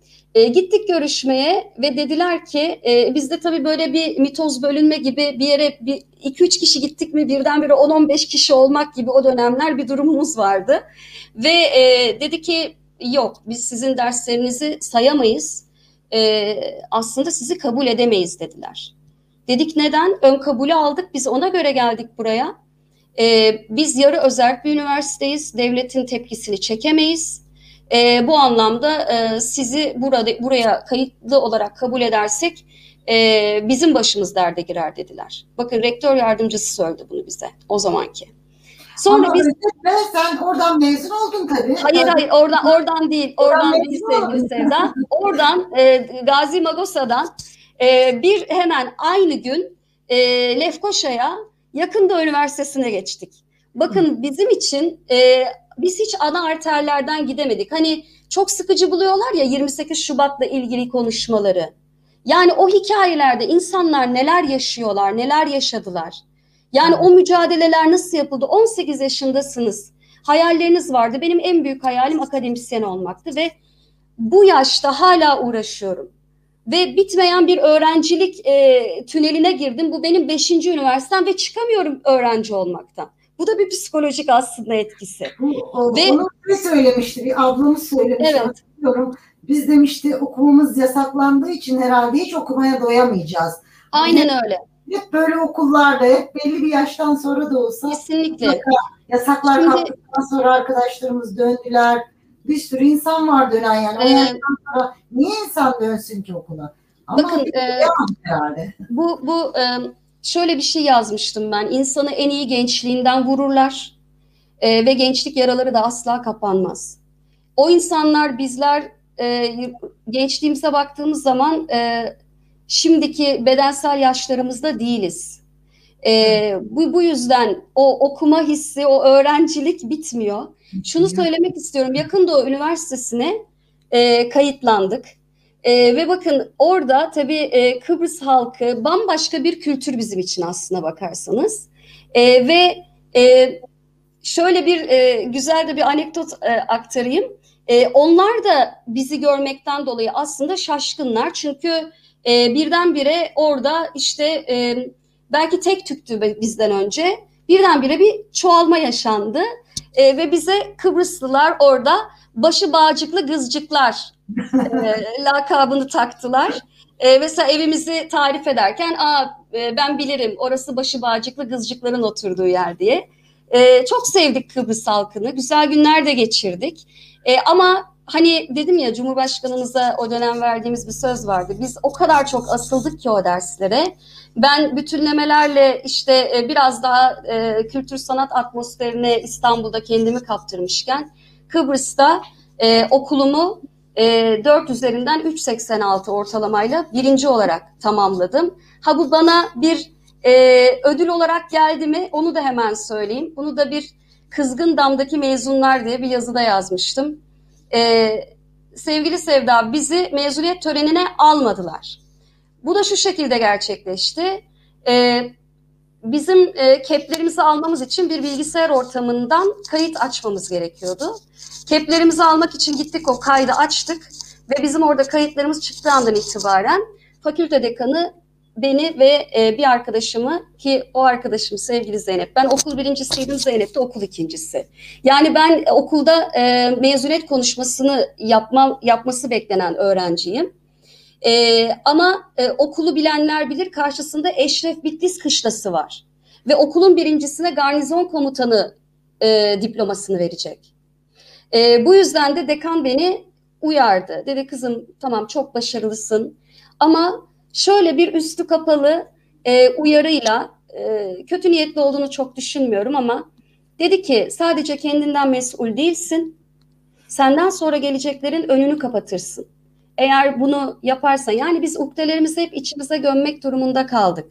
Sonrasında e, bir Amerika hayatım var 8 yıl. E, ondan sonrası bakın bu 28 Şubat'ı mesela Amerika'da hiç kimseye anlatamıyorsunuz. Anlatamazsınız. E, sonrasında geri döndüm. E, işletmede yüksek lisans yaptım. Yine 4 üzerinden 4 ortalamayla. Yani o bilinç, e, şimdi doktora yapıyorum Ege Üniversitesi İletişim e, Fakültesi'nde. Ders dönemimi yine 4 ortalamayla bitirdim. Bunu bir övünç kaynağı olarak inanın söylemiyorum. Yoruluyorum çünkü. Yani kendimle yarışmaktan. Kerem yoruluyorum. oradan gülüyor. Neden gülüyor acaba? Her şeyin en iyisini yapmak durumunda kalmak e, yorucu. Çünkü hiç ana arterleri takip edemezsiniz. Kendinizi çeşitlendirmek ve eklektik olmak durumundasınız. Ben, Ben- burada bir yazı yazmıştım Özlemciğim. Başörtülüysen eğer e, Evet. çok zeki olmalısın, üstün zekalı olmalısın bir yere girebilmek için. Başörtülüysen eğer hatta bir filmden örnek vermiştim. Yaptığın en iyisini yapmak zorundasın. Eğer bu, Online'de geçer. adam böyle diyordu CIA başkanı. Evet. Eğer bu ortayı takıyorsan diyordu. Evet. işin En iyisi olması lazım. Yani e, şunu, şunu yani. e, çok, çok da vaktinizi de almak istemiyorum. Çok değerli konuşmacılarımız var. Vaktimiz Ee, konuşmacımız daha var. E, sadece şunu söyleyerek e, Gülcan'a eğer e, konu geçmeden önce e, şunu söyleyeyim. E, çok sevdiğim kardeşim, yol arkadaşım. O, e, o zaten anlatacaktır mutlaka. E, bir fotoğraf var. E, bizim 99 yılında e, oturma eylemleri sırasında çekilmiş olan. E, o fotoğrafta binlerce kişi oturma eylemindeyiz. E, ve ben daha Gülcan'la tanışmıyorum. Sadece e, eylemlerde e, duvarın üzerine çıkan, e, kimi zaman ağacın üzerine çıkan gazeteci bir kız var. E, ve bazen gözüm ona takılıyor. E, ve e, o fotoğrafta e, işte Gülcan, Gülcan'ı başka bir gazeteci arkadaşı e, kadrajlamış. E, ben de Mehmet gösterebilirsin o fotoğrafı. evet, evet, evet. e, çok e, o, onun ilginç tarafı şu, ikimizin aynı fotoğrafta e, çıkması değil aslında. E, biz o dönem e, birbirimizi hiç tanımıyoruz. E, işte e, bu, bu fotoğraf. E, birbirimizi hiç tanımıyoruz. E, ve nasıl gelişti? E, bundan sonrasını sevgili Gülcan anlatsın. E, ben teşekkür ediyorum şimdilik. Çok teşekkür ediyoruz. Gülcan'a ben en son söz vereceğim. Medyayı da e, soracağım Gülcan'a. 28 Şubat medyasına. E, devam edersin oradan Gülcan'cığım. E, bir Z kuşağı arkadaşımız var. Şimdi hep diyoruz ki biz 28 Şubat'ı gençlere anlatamıyoruz. Aa, anlamıyorlar, bilmiyorlar o dönemi. E, 28 Şubat'tan 3 yıl sonra doğmuş. 99 doğumlusun değil mi Kerem? 2000 doğumluyum. 2000 doğumlusun bir de. Evet 2000 doğumlusun. Az önce Özlem ablada da güldüğüm şey şuydu. 4 ortalama yani benim hayallerim olan bir şey. 3'ü falan zor, zar zor zor. Ben şimdi sana niye güldün orada diye. 4 ortalama. Ama orada bir mücadele var. Oradaki motivasyon farklı. Yani bizim motivasyonlarımız çok farklıydı oldu dedim ya. Bizim her şeyi en iyi yapmamız gerekiyordu. Öyle bir motivasyonla ilerliyorduk biz çünkü. Ee, ama sen de görmüşsün yani o günleri anlatabilmişiz sana ki senin de dikkatini çekmiş ve sen Tanık diye bir belgesel çektin. İnşallah galası cuma akşamı olacak. Biraz anlatabilir misin bize? Nasıl dikkatini çekti bu 28 Şubat konuları? Nerede kafana dank ettin? Nerede ilgilenmeye başladın? Ee, benim Aa, aslında önce bir teaserını girebilir miyiz senin e, belgeselin? bu arada teaserımız sıcak sıcak yeni çıktı. İlk kez burada yayınlanacak. Daha sosyal medyası sosyal medya çalışmasına da çıkmadık. İlk kez sizler izleyeceksiniz şu anda. Tamam çok güzel. O zaman e, bir teaser alalım ondan sonra senden devam edeceğiz inşallah. 28 Şubat kazananı olmayan bir dönem. Esasında herkes kaybetti 28 Şubat. 28 Şubat deyince aklıma bir karanlık geliyor. 28 Şubat benim için hem kayıptı hem eksiklikti ama çok büyük bir kazançtı. Bizim bir tek gündemimiz vardı. Okula hangi kapıdan ya da delikten girebilirim? Hala rüyamda polisten kaçıyorum. Çok haksızlıklara uğradık ama kimseye bir taş atmadık. Sadece hakkımızı almaya çalıştık.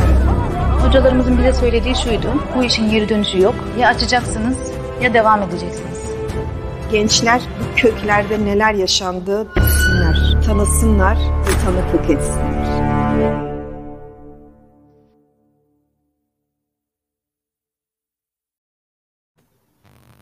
Evet, biz hemen bunları izleyince gözlerimizde yaşlar oluşuyor herhalde. Kerem. Umarım beğenmişsinizdir. Evet. Çok güzel. Telden geçmeye çalışan hmm, bayan. Esra Ege Gürler. Kim? Esra Ege Gürler. Penseli kız sen misin diye hatta Gülcan abla haberinde de yazdı bunu. Ee, Hikayesini dinleyelim senden. Öncelikle e, nasıl böyle bir yayına karar verdin? O soruyu. Ee, ben 28 Şubat'ı ortaokul ikinci sınıfa giderken e, daha 13 yaşımda falan 13 yaşındaydım sanırım. E, YouTube o zamanlar yeni yeni tabii coşmuş durumda. E, öyle YouTube'da geziniyorken Nuray Canan Hanım'ın, Nuray Canan Bezirgan'ın bir sesine rastladım. Hatta bunu sosyal medyamda da şey ta, filmin sosyal medyasında farklı bir şekilde lanse ettim. Nur suresinin ayeti örtünün diyor Allah. İşte bunlar bana açılın diyor. Yetişin Müslümanlar. 13 yaşında bir çocuk için bu çok yürek parçalayıcı bir şeydi ve ben o süreçten sonra 28 Şubat'ı böyle kendi çapımda videolar izleyerek bir şeyler yaparak anlamaya çalıştım. Nuray ablanın hikayesini dinledim. Nuray ablanın hikayesi çok ütopik bir hikaye gibi geldi bana. Çünkü hani e, Recep Tayyip Erdoğan'ın öncülüğünde olan bir hükümetin içine doğmuşsunuz. E, her şey çok normal, hiçbir problem yok, hiçbir başörtü sorunu yok. Yani anlatıyor işte ben başörtülüydüm, işte üniversiteye alınmıyordum, e, eylem yaparken aslında arkadaşlarım eylem yapıyordu. Ben hamile olduğum için eylemlere katılmıyordum. Otobüs durağında arkadaşım beklerken beni de tanıdıkları için polisler beni de dövmeye başladılar. İkiz bebeğe hamileyken karnını tekmeleye tekmeleye bir çocuğunu öldürüyorlar. Ve e, ya bu bir cinayettir benim için. Öldürüyorlar ve diğer çocuğunun kalbi çok zayıf atıyor. Doktorlar diyor ki götürmeyin. Kadının ve çocuğunun hayatına mal olacaksınız. O askerler, o polisler gene de e, müsaade etmiyorlar. O kadıncağızı, gencecik e, kadıncağızı o hayat tehlikesi varken mahkemeye hakim karşısına dikiyorlar. Bunlar çok kötü şeyler. Bunlar çok e, bizim için ütopik şeyler. Biz bu sebepten ötürü de belgeselde şu kafayla çıktık. Tamamen mottomuz şu. Efsanelere inanır mısınız? Çünkü bu bir efsane. Şimdi Özlem abla anlatıyor. işte Gülşen abla anlatıyor. Aman ya Rabbi dedim ne oluyoruz? Nerede yaşıyoruz? Biz Türkiye'de mi yaşamışız bunları? Çünkü ben daha doğmamışım o dönemde. Sonra liseyi kazandım, üniversiteyi kazandım ve arada küçük izlemeler, küçük okumalar yapıyorum ama üniversite sürecinde belirli e, vasıtalar aracılığıyla Demet Tezcan ablamla tanıştım.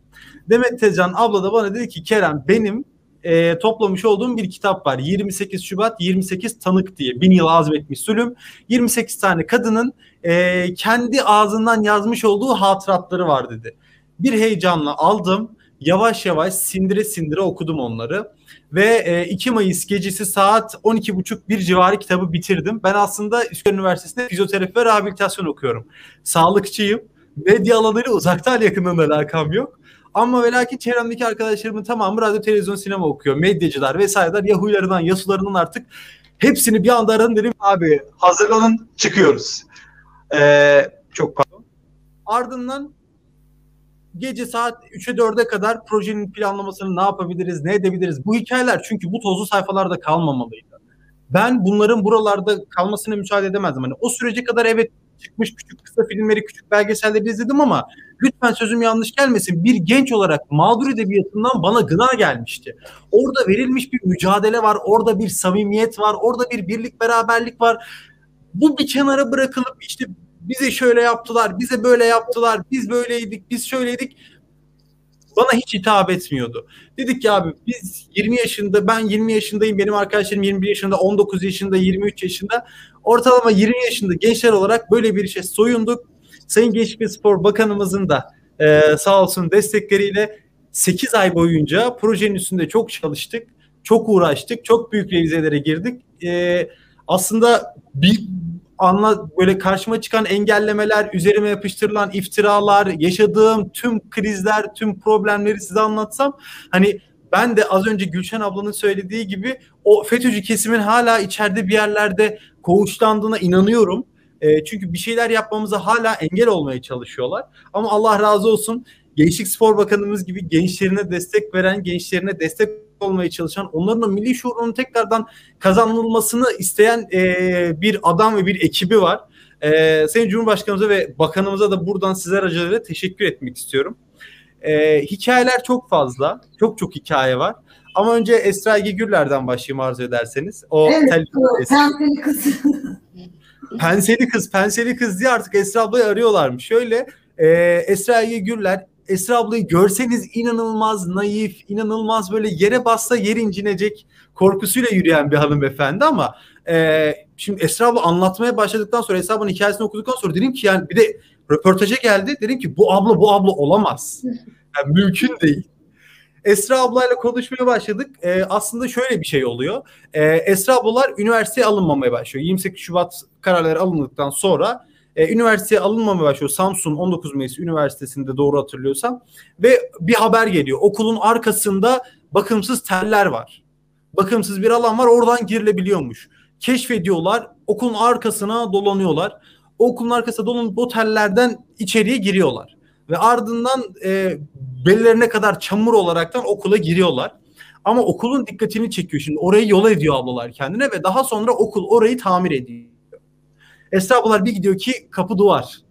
Esra abla öbür gün o şeye yurda gidiyor ve yurdun malzeme çantasından pense alıyor çantasına ve diğer gün gidip o e, telleri penseyle keserek içeri giriyor. Ama orada öyle güzel bir küçük nokta var ki şu şekilde anlatıyor. Biz oraları penseyle kesiyorduk ama ardından içeriye girdikten sonra oraları tekrar birbirine bağlıyorduk. Hani demesinler bu işte e, 20 şey başörtüler de o zaman tabii başörtüler değil çok itici bir kelime olan türbanlılar kelimesi. İşte türbanlılar e, telleri kestiler, okula zarar verdiler demesinler diye biz o telleri e, bağlıyorduk. Biz o telleri birbirine tekrar sıkıyorduk diyor. Ondan sonra arkadaşları tabii arasında herkes beraber olduğu için duyuluyor. İşte diyor ki aa o penseli kız sen misin? Aa penseli Esra sen misin şeklinde. Esra ablanın hikayesi böyle ama e, tabii her hikayenin içerisinde böyle komiklik yok. Ya da böyle küçük nüktedanlar yok.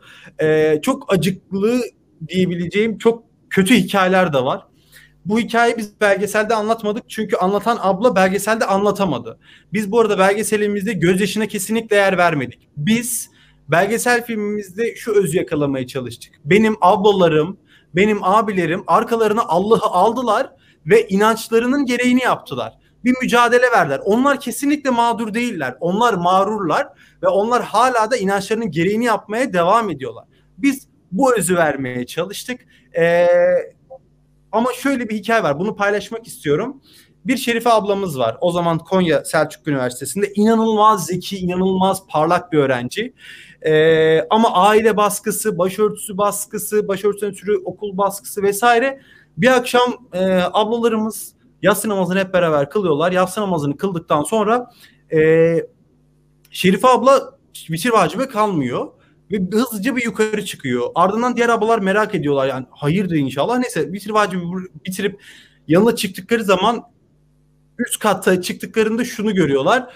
Ee, doğalgaz borusuna kendi tülbentiyle kendisine asmış bir genç kız görüyorlar. Kurtarılamıyor. Ee, bu hikayeyi anlatmamın sebebi şu. 28 Şubat sadece eylem ya da sadece işte ekonomik mevzular sadece şunlar bunlar değil.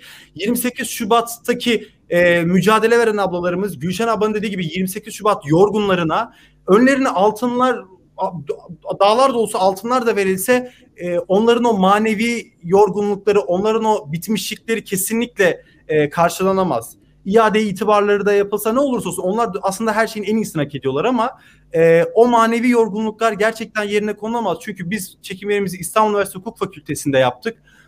Ablalarımız okulun kapısından girerken bile tedirgindiler. Okulun içinde dolaşırken tedirgindiler. O okuldaki amfilere, o okulun duvarlarına bakarken ki hallerini keşke çekebilseydik Keşke size verebilseydik ama bütçemiz de çok kısıtlı olduğu için bize çok düşük bir bütçe verdiler. Biz elimizden geldiğince daha öz olay vermeye çalıştık. Hani ben çok dağılıyorum bu hikayeyi anlatınca. Gerçekten toparlayamadım kusura bakmayın ama e, böyle ya 28 Şubat daha da anlatacağız. Kerem, Kerem sen, sen dağılmaman lazım ya. Biz de alacaktık burada sen değil. ya Senin toparlaman lazım. Bak tam diyecektim ki biz anlatamıyoruz işte. Biz çünkü anlatırken bile gözyaşlarına boğuluyoruz. Hani dedin ya e, gözyaşı almadım dedin. E, bizim neslimiz an, anlatamıyor aslında çoğu şeyi. Yani anlatırken gözyaşlarına boğuluyor çünkü. Sen anlatacaksın bayrağı sen devralmışsın ve çok güzel bir şey yapmışsın. Gerçekten yani o kısmını ele alman gerçekten harika bir şey. Yani tabii 28 Şubat'ı e, biz sadece başörtüsü olarak almıyoruz. Yani 28 Şubat sadece başörtüsünden, başörtüsü mücadelesinden ya da başörtüsü problemlerinden ibaret bir şey değil. E, 28 Şubat aslında her alanıyla ele alınması gereken, Müslümanlara yapılan bu zulmü tam manasıyla almamız gereken bir kısım. E, hani bu konuda biraz e, bazı eleştirilere uğradığım için söylemek istiyorum. 28 Şubat koca bir fotoğrafsa başörtüsü bunun görünen ve işte %20-%30'luk kısmını kapsayan bir durum. Ama biz 28 Şubat'ı hiç tanımayan, bu fotoğrafı hiç bakmamış kişileri hedef aldığımız için %30'luk bir rakam gayet iyi bir başlangıç.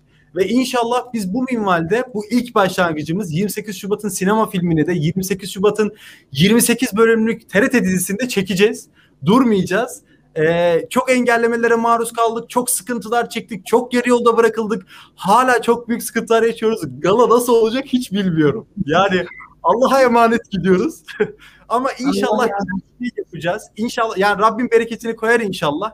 Ee, ben de çok söz uzatmak istemiyorum. Sizin önünüzde 28 Şubat'ı anlatmak ne hacet. Üstüme vazife değil. Ee, ama biz de genç kuşak olarak e, bir bakış açısı getirmek istedik.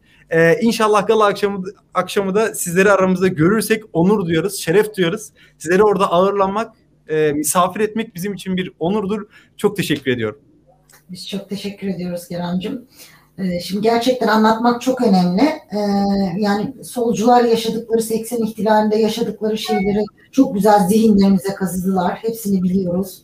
Ee, Satır satır cümle cümle aklımızda. Neden? Çünkü kitapları yazıldı, e, filmleri çekildi. Yahudiler aynı şekilde e, yaptıkları, çektikleri zulmü e, çok güzel her yerde anlatabildiler. Onlar da zihinlerimize işlediler. Ama biz 28 Şubat'ı nedense çok beceremedik anlatmayı. E, hatta o dönemlerde üniversitede olan e, o dönem demeyeyim de ondan bir süre sonra bir, birkaç yıl sonra ama yine başörtüsü yasakları var devam ediyor.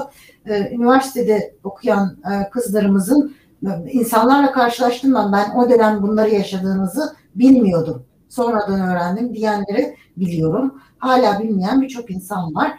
Şimdi bir de e, başka boyutları da var dedik. Evet bir de medya boyutu var ki e, medyayla aslında 28 Şubat'ı yaptılar.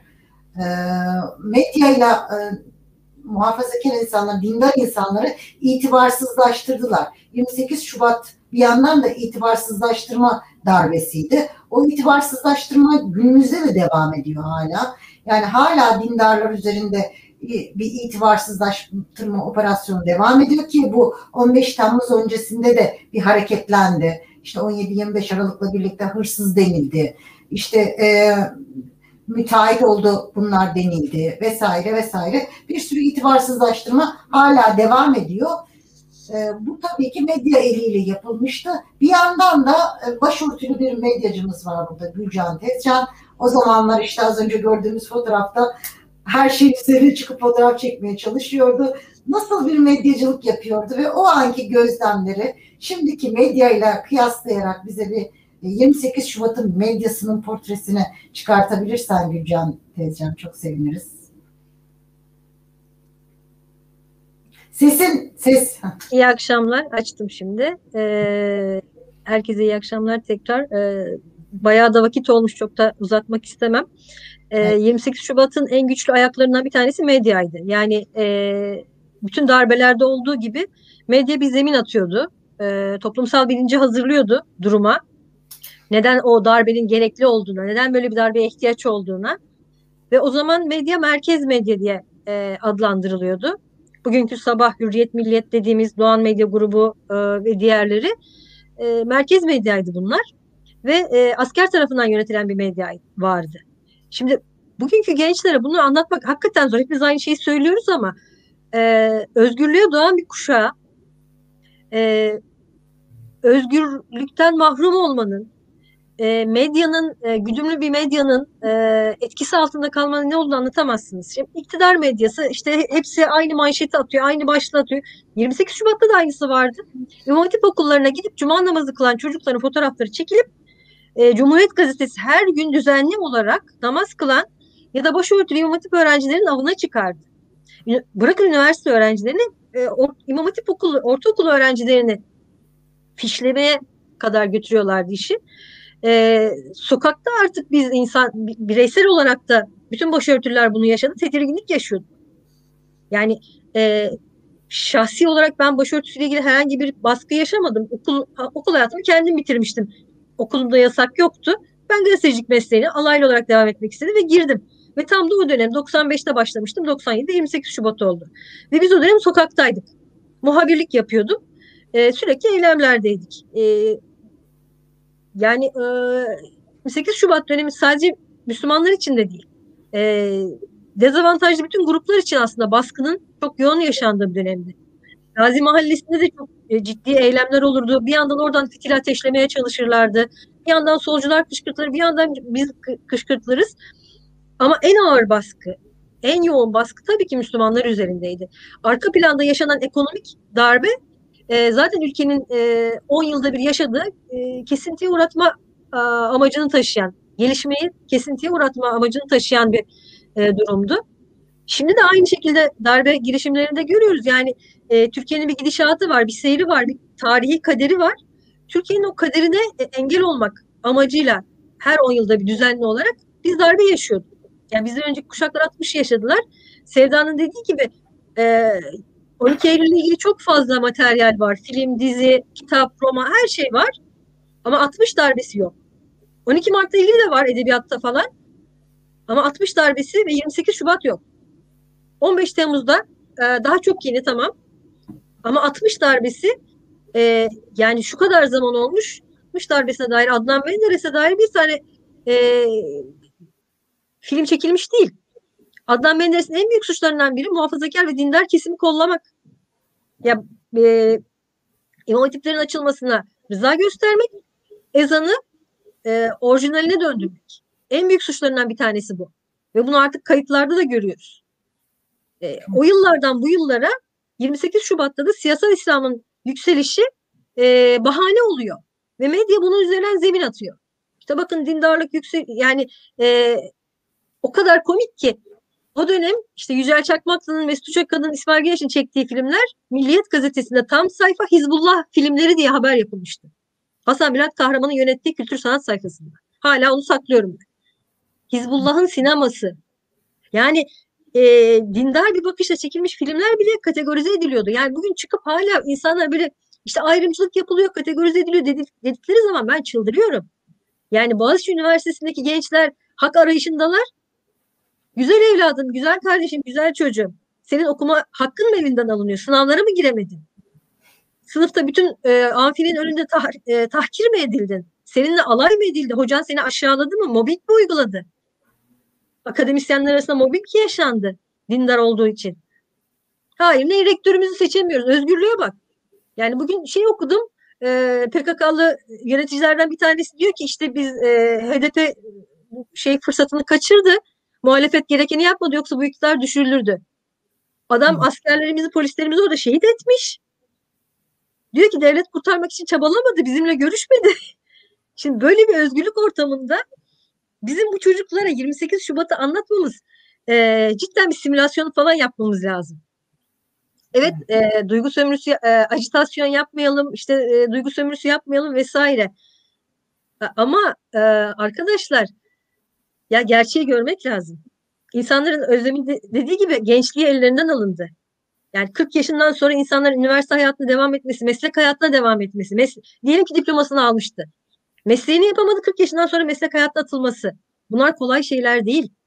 Yani e, Gülenay Pınarbaşı'nın sevgili e, doktorasını da geçen sene tamamladı. Doktor Gülenay Pınarbaşı'nın e, söylediği bir şey var. Ve 12 Eylül'de insanlar bedenen öldürüldü. 28 Şubat'ta bizim ruhumuzu öldürdüler. Şimdi e, buna mesela ergenlik çağındaki 16-17 yaşındaki çocuğa herhangi bir konuda sınır koyduğunuz vakit çıldırıyor.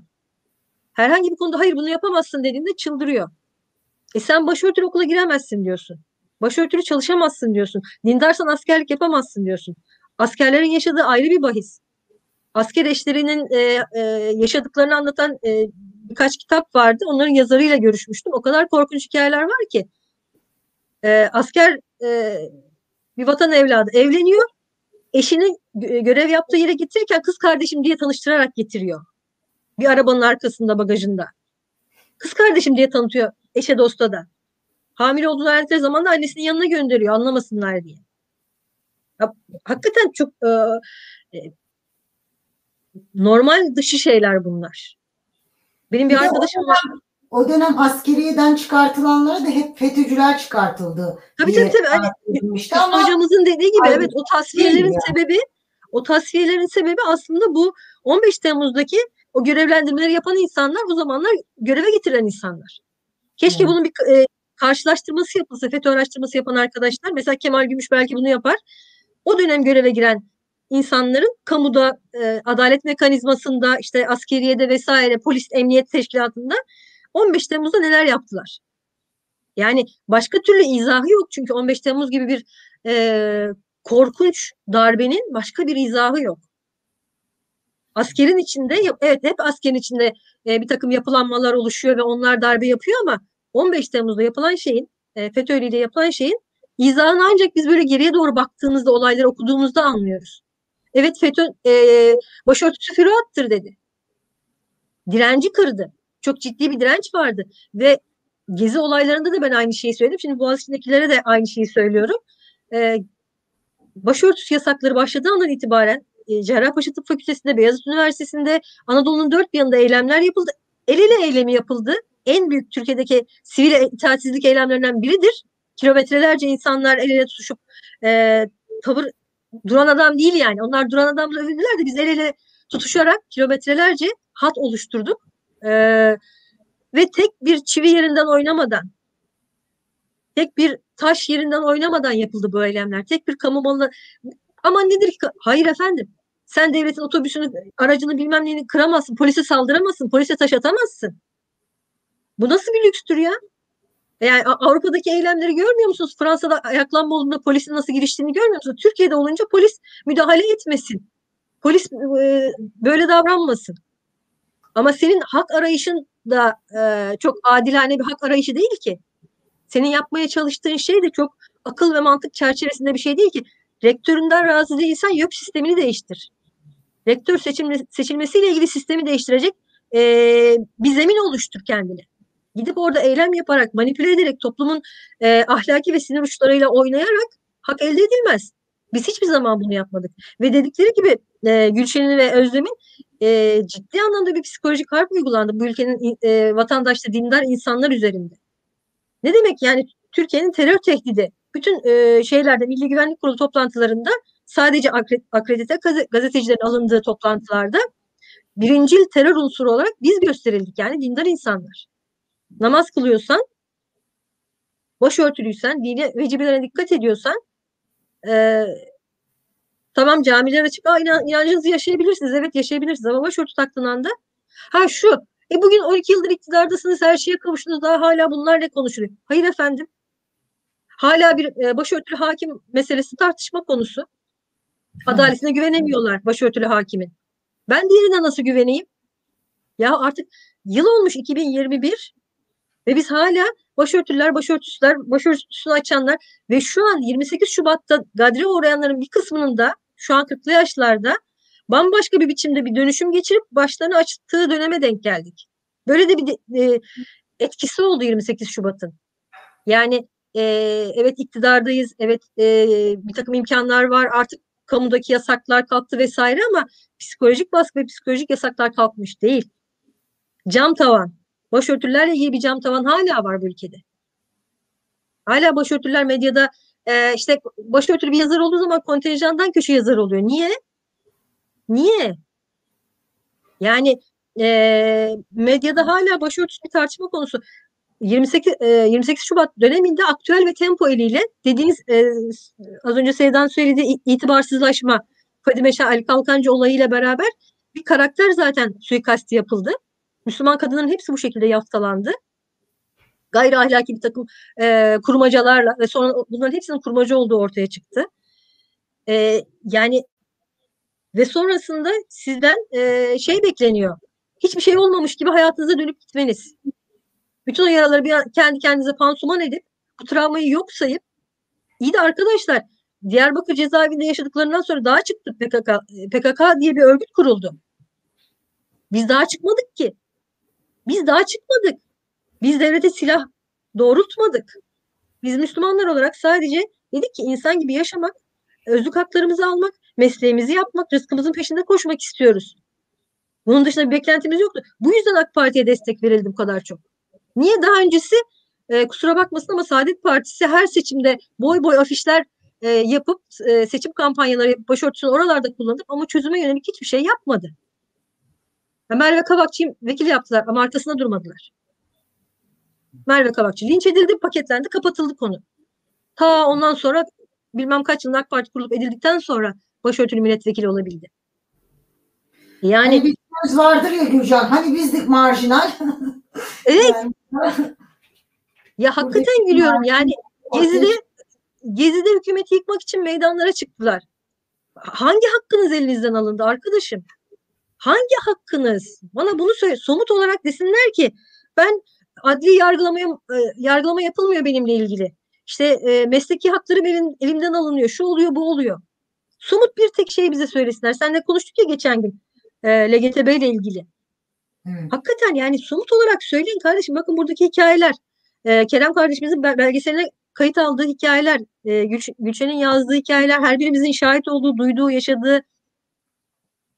Yani adam asker çok basit ya, çok insani. Oğlunun yemin törenine giremiyordu insanlar. Çok basit, çok insani, çok bireysel. Bırakın başka bir şey ya. Evladının güzel bir gününü görecek orada, moral olacak ona. Şimdi bakıyorsunuz komutan, e, yani şu an çok sıradan geliyor. Komutanlar gidiyor 90 yaşındaki o başörtülülerin yanına teşekkür etmeye. Elini öpüyorlar, sarılıyorlar vesaire. Biz o zamanlar bunları hayal edemiyorduk. Protokolde kazara başörtülü görünmesin diye kıyamet kopuyordu. Ya bunları e, tamam hatırlamayalım, unutalım, kapatalım da ya ne olmuş 28 Şubat'ta? O Boğaziçi'yle e, sözcü olan arkadaş konuşuyor. Ben bilmiyorum, beni, beni ilgilendirmiyor falan gibi bir şey söyledi 28 Şubat sorulduğunda. E, merak etmezsen tabii ki ilgi alanına girmez. Çünkü sen tıpkı 28 Şubat döneminde birebir konuştuğunuz zaman bu yasağı uygulayanlarla sen farklısın, sen başkasın diye böyle pışpışlarlardı bize. Özlem iyi hatırlar onları. Sen başkasın, sen farklısın. Şimdi o, o arkadaşlara da öyle söylüyorlar. Şu anki başörtülü muhalif arkadaşlara sen başkasın, sen farklısın. Niye sen onların e, dümen suyuna gidebiliyorsun? Sen onların hoşnut olacağı yaklaşımlara he diyorsun. E şimdi sen yandaşsın rahat rahat konuşuyorsun diyebilirler bana. Hayır ben yandaş falan değilim. Ben sadece gazeteciyim. O günleri de gördüm, bu günleri de gördüm. O günlerde nasıl başlıklar atıldığını, gazeteci olarak bizimle e, mesleki olarak önümüzü tıkayamadılar. Sadece basın kartı vermediler. Bunun dışında herhangi bir şey yapamadılar. Ama ya yine de yapamadılar diyorsun ama o da bir kabulleniş yani. Sonuçta gidip de kaç tane kurumun e, iç kapısından içeri girebiliyordun ki bir başörtülü gazeteci olarak. Bir, bir iki tane yani parmakla sayacağın kadar az. Tabii ki yani alınmazdı arkadaşlar. O sabahların onların kapısından içeri girmek bile meseleydi. Giremezsiniz zaten. Ben şu an hani e, akşamda çalışıyorum. Star'a geçtim önce sonra akşama geçtim. O dönemler hakikaten yemin ederim aklımın ucundan geçmez buralarda çalışabileceğim. Bir arkadaşımız e, Şermin Çetinkaya Yeni Bin Yıl diye bir gazetede çalışmaya başlamıştı Merkez Medya'da. Merakla soruyorduk nasıl karşılandın ne oldu falan. Valla uzaylı gibi bakıyorlar bana diyordu. Asansörde karşılaşıyorum işte e, yemekhanede karşılaşıyorum. Uzaylı gibi bakıyorlar bana diyordu. Yani ha ne e, TMSF el koymasa yönetimler değişmese yine biz buralarda e, gazetecilik yapma şansımız olmazdı ki. Hiç zannetmiyorum. Hiç zannetmiyorum. Çünkü e, kalıplaşmış bir algı ve yaklaşım var. E, bir defa bizde şöyle bir kafa var. Biz medyayı bilmiyoruz. Biz televizyonu bilmiyoruz. Biz sinemayı bilmiyoruz. Biz Z kuşağını bilmiyoruz. Biz hiçbir şey yapamayız. Yani e, böyle de bir ön kabul, kabulümüz var. Bu 28 Şubat'la da alakalı olabilir belki. O baskıları yaşamışlıktan dolayı. Ama bence 28 Şubat'ın en büyük ayrı bu ülkedeki Müslüman kadınlara inanılmaz bir zenginlik kattı. Baskı altında yaşayan bu baskıya maruz kalan bütün kadınlar kendilerini o kadar geliştirdiler ki, o kadar iyi bir birikime, entelektüel donanıma sahip oldular ki ve bu şu an Müslüman erkekleri çok rahatsız ediyor. O yüzden e, başarılı bütün kadınlara, feminist, e, başarılı dinler bütün kadınlara feminist yaftası yapıştırıp e, pasifize etmeye çalışıyorlar ya da etkisizleştirmeye çalışıyorlar. Niye? Çünkü, çünkü başörtülü kız yasağı avradığı için yurt dışına gitti e, yurt dışı tecrübesi kazandı. Eğitimini dediğin gibi daha fazla çalışarak e, en iyisi alanında en iyisi olmaya çalışarak e, gayret gösterdi. Erkekler gayet rahat geçip sınavlarına girdiler. Evet bir kısmı bedel ödedi e, başörtülü kızlarla beraber ama büyük çoğunluğu da girdi mesleğine baktı. Daha ötesini söyleyeyim. Sonra sarışın bir hanımla evlenip e, kariyer basamaklarını daha hızlı ilerledi. Ama asıl bedeli ödeyen kusura bakmasınlar da dindar kadınlar oldu. Buna rağmen kendini geliştiren, e, kendine yatırım yapan ve şu an hakikaten e, iyi çocuklar yetişiyorsa, nitelikli gençler yetişiyorsa, Kerem kardeşimiz gibi gençler yetişiyorsa bence o kadınların maharetleri ve 15 Temmuz'da dediğin gibi çok önemli. O direncin en büyük etkenlerinden biri e, 28 Şubat tecrübesidir. Bunu birçok e, Gazi Hanım'la da konuşmuştuk. Gerçekten o şuur, o sahiplenme, bu devlet benim, bu toprak benim. Hiçbir zaman devlete çatışmadı dindarlar çünkü. Bu toprak, bu devlet, bu bayrak benim kardeşim. Sen bana baskı uygulasan da, sen beni ötelesen de, zenci haline getirsen de burası benim. Bugün de benim, yarın da benim. Ee, Ayşe Kulin çıkıp konuşuyor ya, korkuyormuş. Ya Allah rızası için ne olur söyleyin ya. Ya hangi gün tesettür zor, zorunluluğu getirildi? Hangi gün? Ya içki yasağı bütün Avrupa ülkelerinde e, uygulanan içki yasağıdır. Başka türlü yaş, yasak yok. Git, Yaş sınırı, saat sınırı falan. ya komik aslında bize komik geliyor ama işte onlar Evet. da öyle bir mesaj veriyorlar. Daha, Yani ben korkmakta haklıyım. Ben kız çocuğum olacağını öğrendiğim an ağladım. Allah'ım dedim aynı şeyleri mi yaşayacak benim kızım? Ciddi ciddi korktum ve ağladım. Biz korkmakta haklıyız. Biz bunu yaşadık. Bu tecrübeleri gördük. Evet. Ha şu an artık bizim kızlarımız çok başka bir modda yaşıyorlar artık Allah sonumuzu hayır eylesin ama Amin amin. O da ba- bambaşka bir tartışma konusu. Teşekkür ederim sağ olasın Sevdacığım. Teşekkür ediyorum Gülcan'cığım. Çok teşekkür ediyorum hepinize. Bugün e, 28 Şubat'ı çok farklı yönlerine, daha da farklı yönleri var tabii ki de hepsine girebilmek durumda değiliz tabii ki bir programla. E, idrak ettik burada. E, herkes çok güzel şeyler söylediler. Tabii ki e, mağdur edebiyatı yapmak değildi derdimiz. Unutturmamak. E, Hüsnü abinin e, benim röportajımda da Gerçek Hayat dergisinde bu hafta bir röportajımız var Hüsnü abiyle. Orada da bir sözü var. Her seferinde her zaman anlatacağız bunları demişti orada. Evet mutlaka anlatacağız. Yine mi 20, 20, 28 Şubat deseler bile biz yine bunları anlatmaya devam edeceğiz. Çünkü hiçbir şey bitmiş değil. E, her an her şey olabilir. Bir önceki darbe bir sonraki darbeyi hazırlıyor bizim ülkemizde. Böyle süreçler var. E, Evet benim röportaj da geldi sonunda. Teşekkür ediyorum Mehmet. Hepinize çok teşekkür ediyorum. İnşallah bir 28 bir dahaki 28 Şubat'ta daha güzel şeyler konuşuyor oluruz. Hiç olmadı bu ama e, gerçi ben 28 Şubat'ı yeni yeni dinleyip konuşmaya başladım. Bilmiyorum arkadaşlarla da öyle mi oldu? Yani bundan 4-5 sene önce ilk 28 Şubat paneline gidebilmiştim. E, birkaç senedir de böyle moderatörlüğünü yapıyorum. Daha yeni yeni artık konuşmaya başladım. Bundan sonra herhalde açılırız diye düşünüyorum. Daha iyi anlatırız. E, kitabını yazdık. E, buradaki arkadaşlardan Gülcan e, hikayesini göndermişti. Şubat tutulması kitabını yazdık. Orada 28 Şubat e, mağdur. 28 Şubat'la ilgili hikayeler vardı. Mağdur demeyelim. Hikayeler vardı orada. Komik hikayeler de vardı. Okuyanlar bilir. Ee, inşallah dediğim gibi seneye daha güzel şeyler konuşuruz 28 Şubat'la ilgili. Hepinize geldiğiniz için çok teşekkür ediyorum. Ee, sevgili- Hayırlı akşamlar diliyoruz. Hayırlı akşamlar. akşamlar hepinize. Hayırlı Sevgili akşamlar. izlediğiniz için, dinlediğiniz için bir buçuk saattir hatta iki saate yakın olmuş. Sabırla bizi izlediğiniz için size de çok teşekkür ediyorum. Hayırlı akşamlar. Allah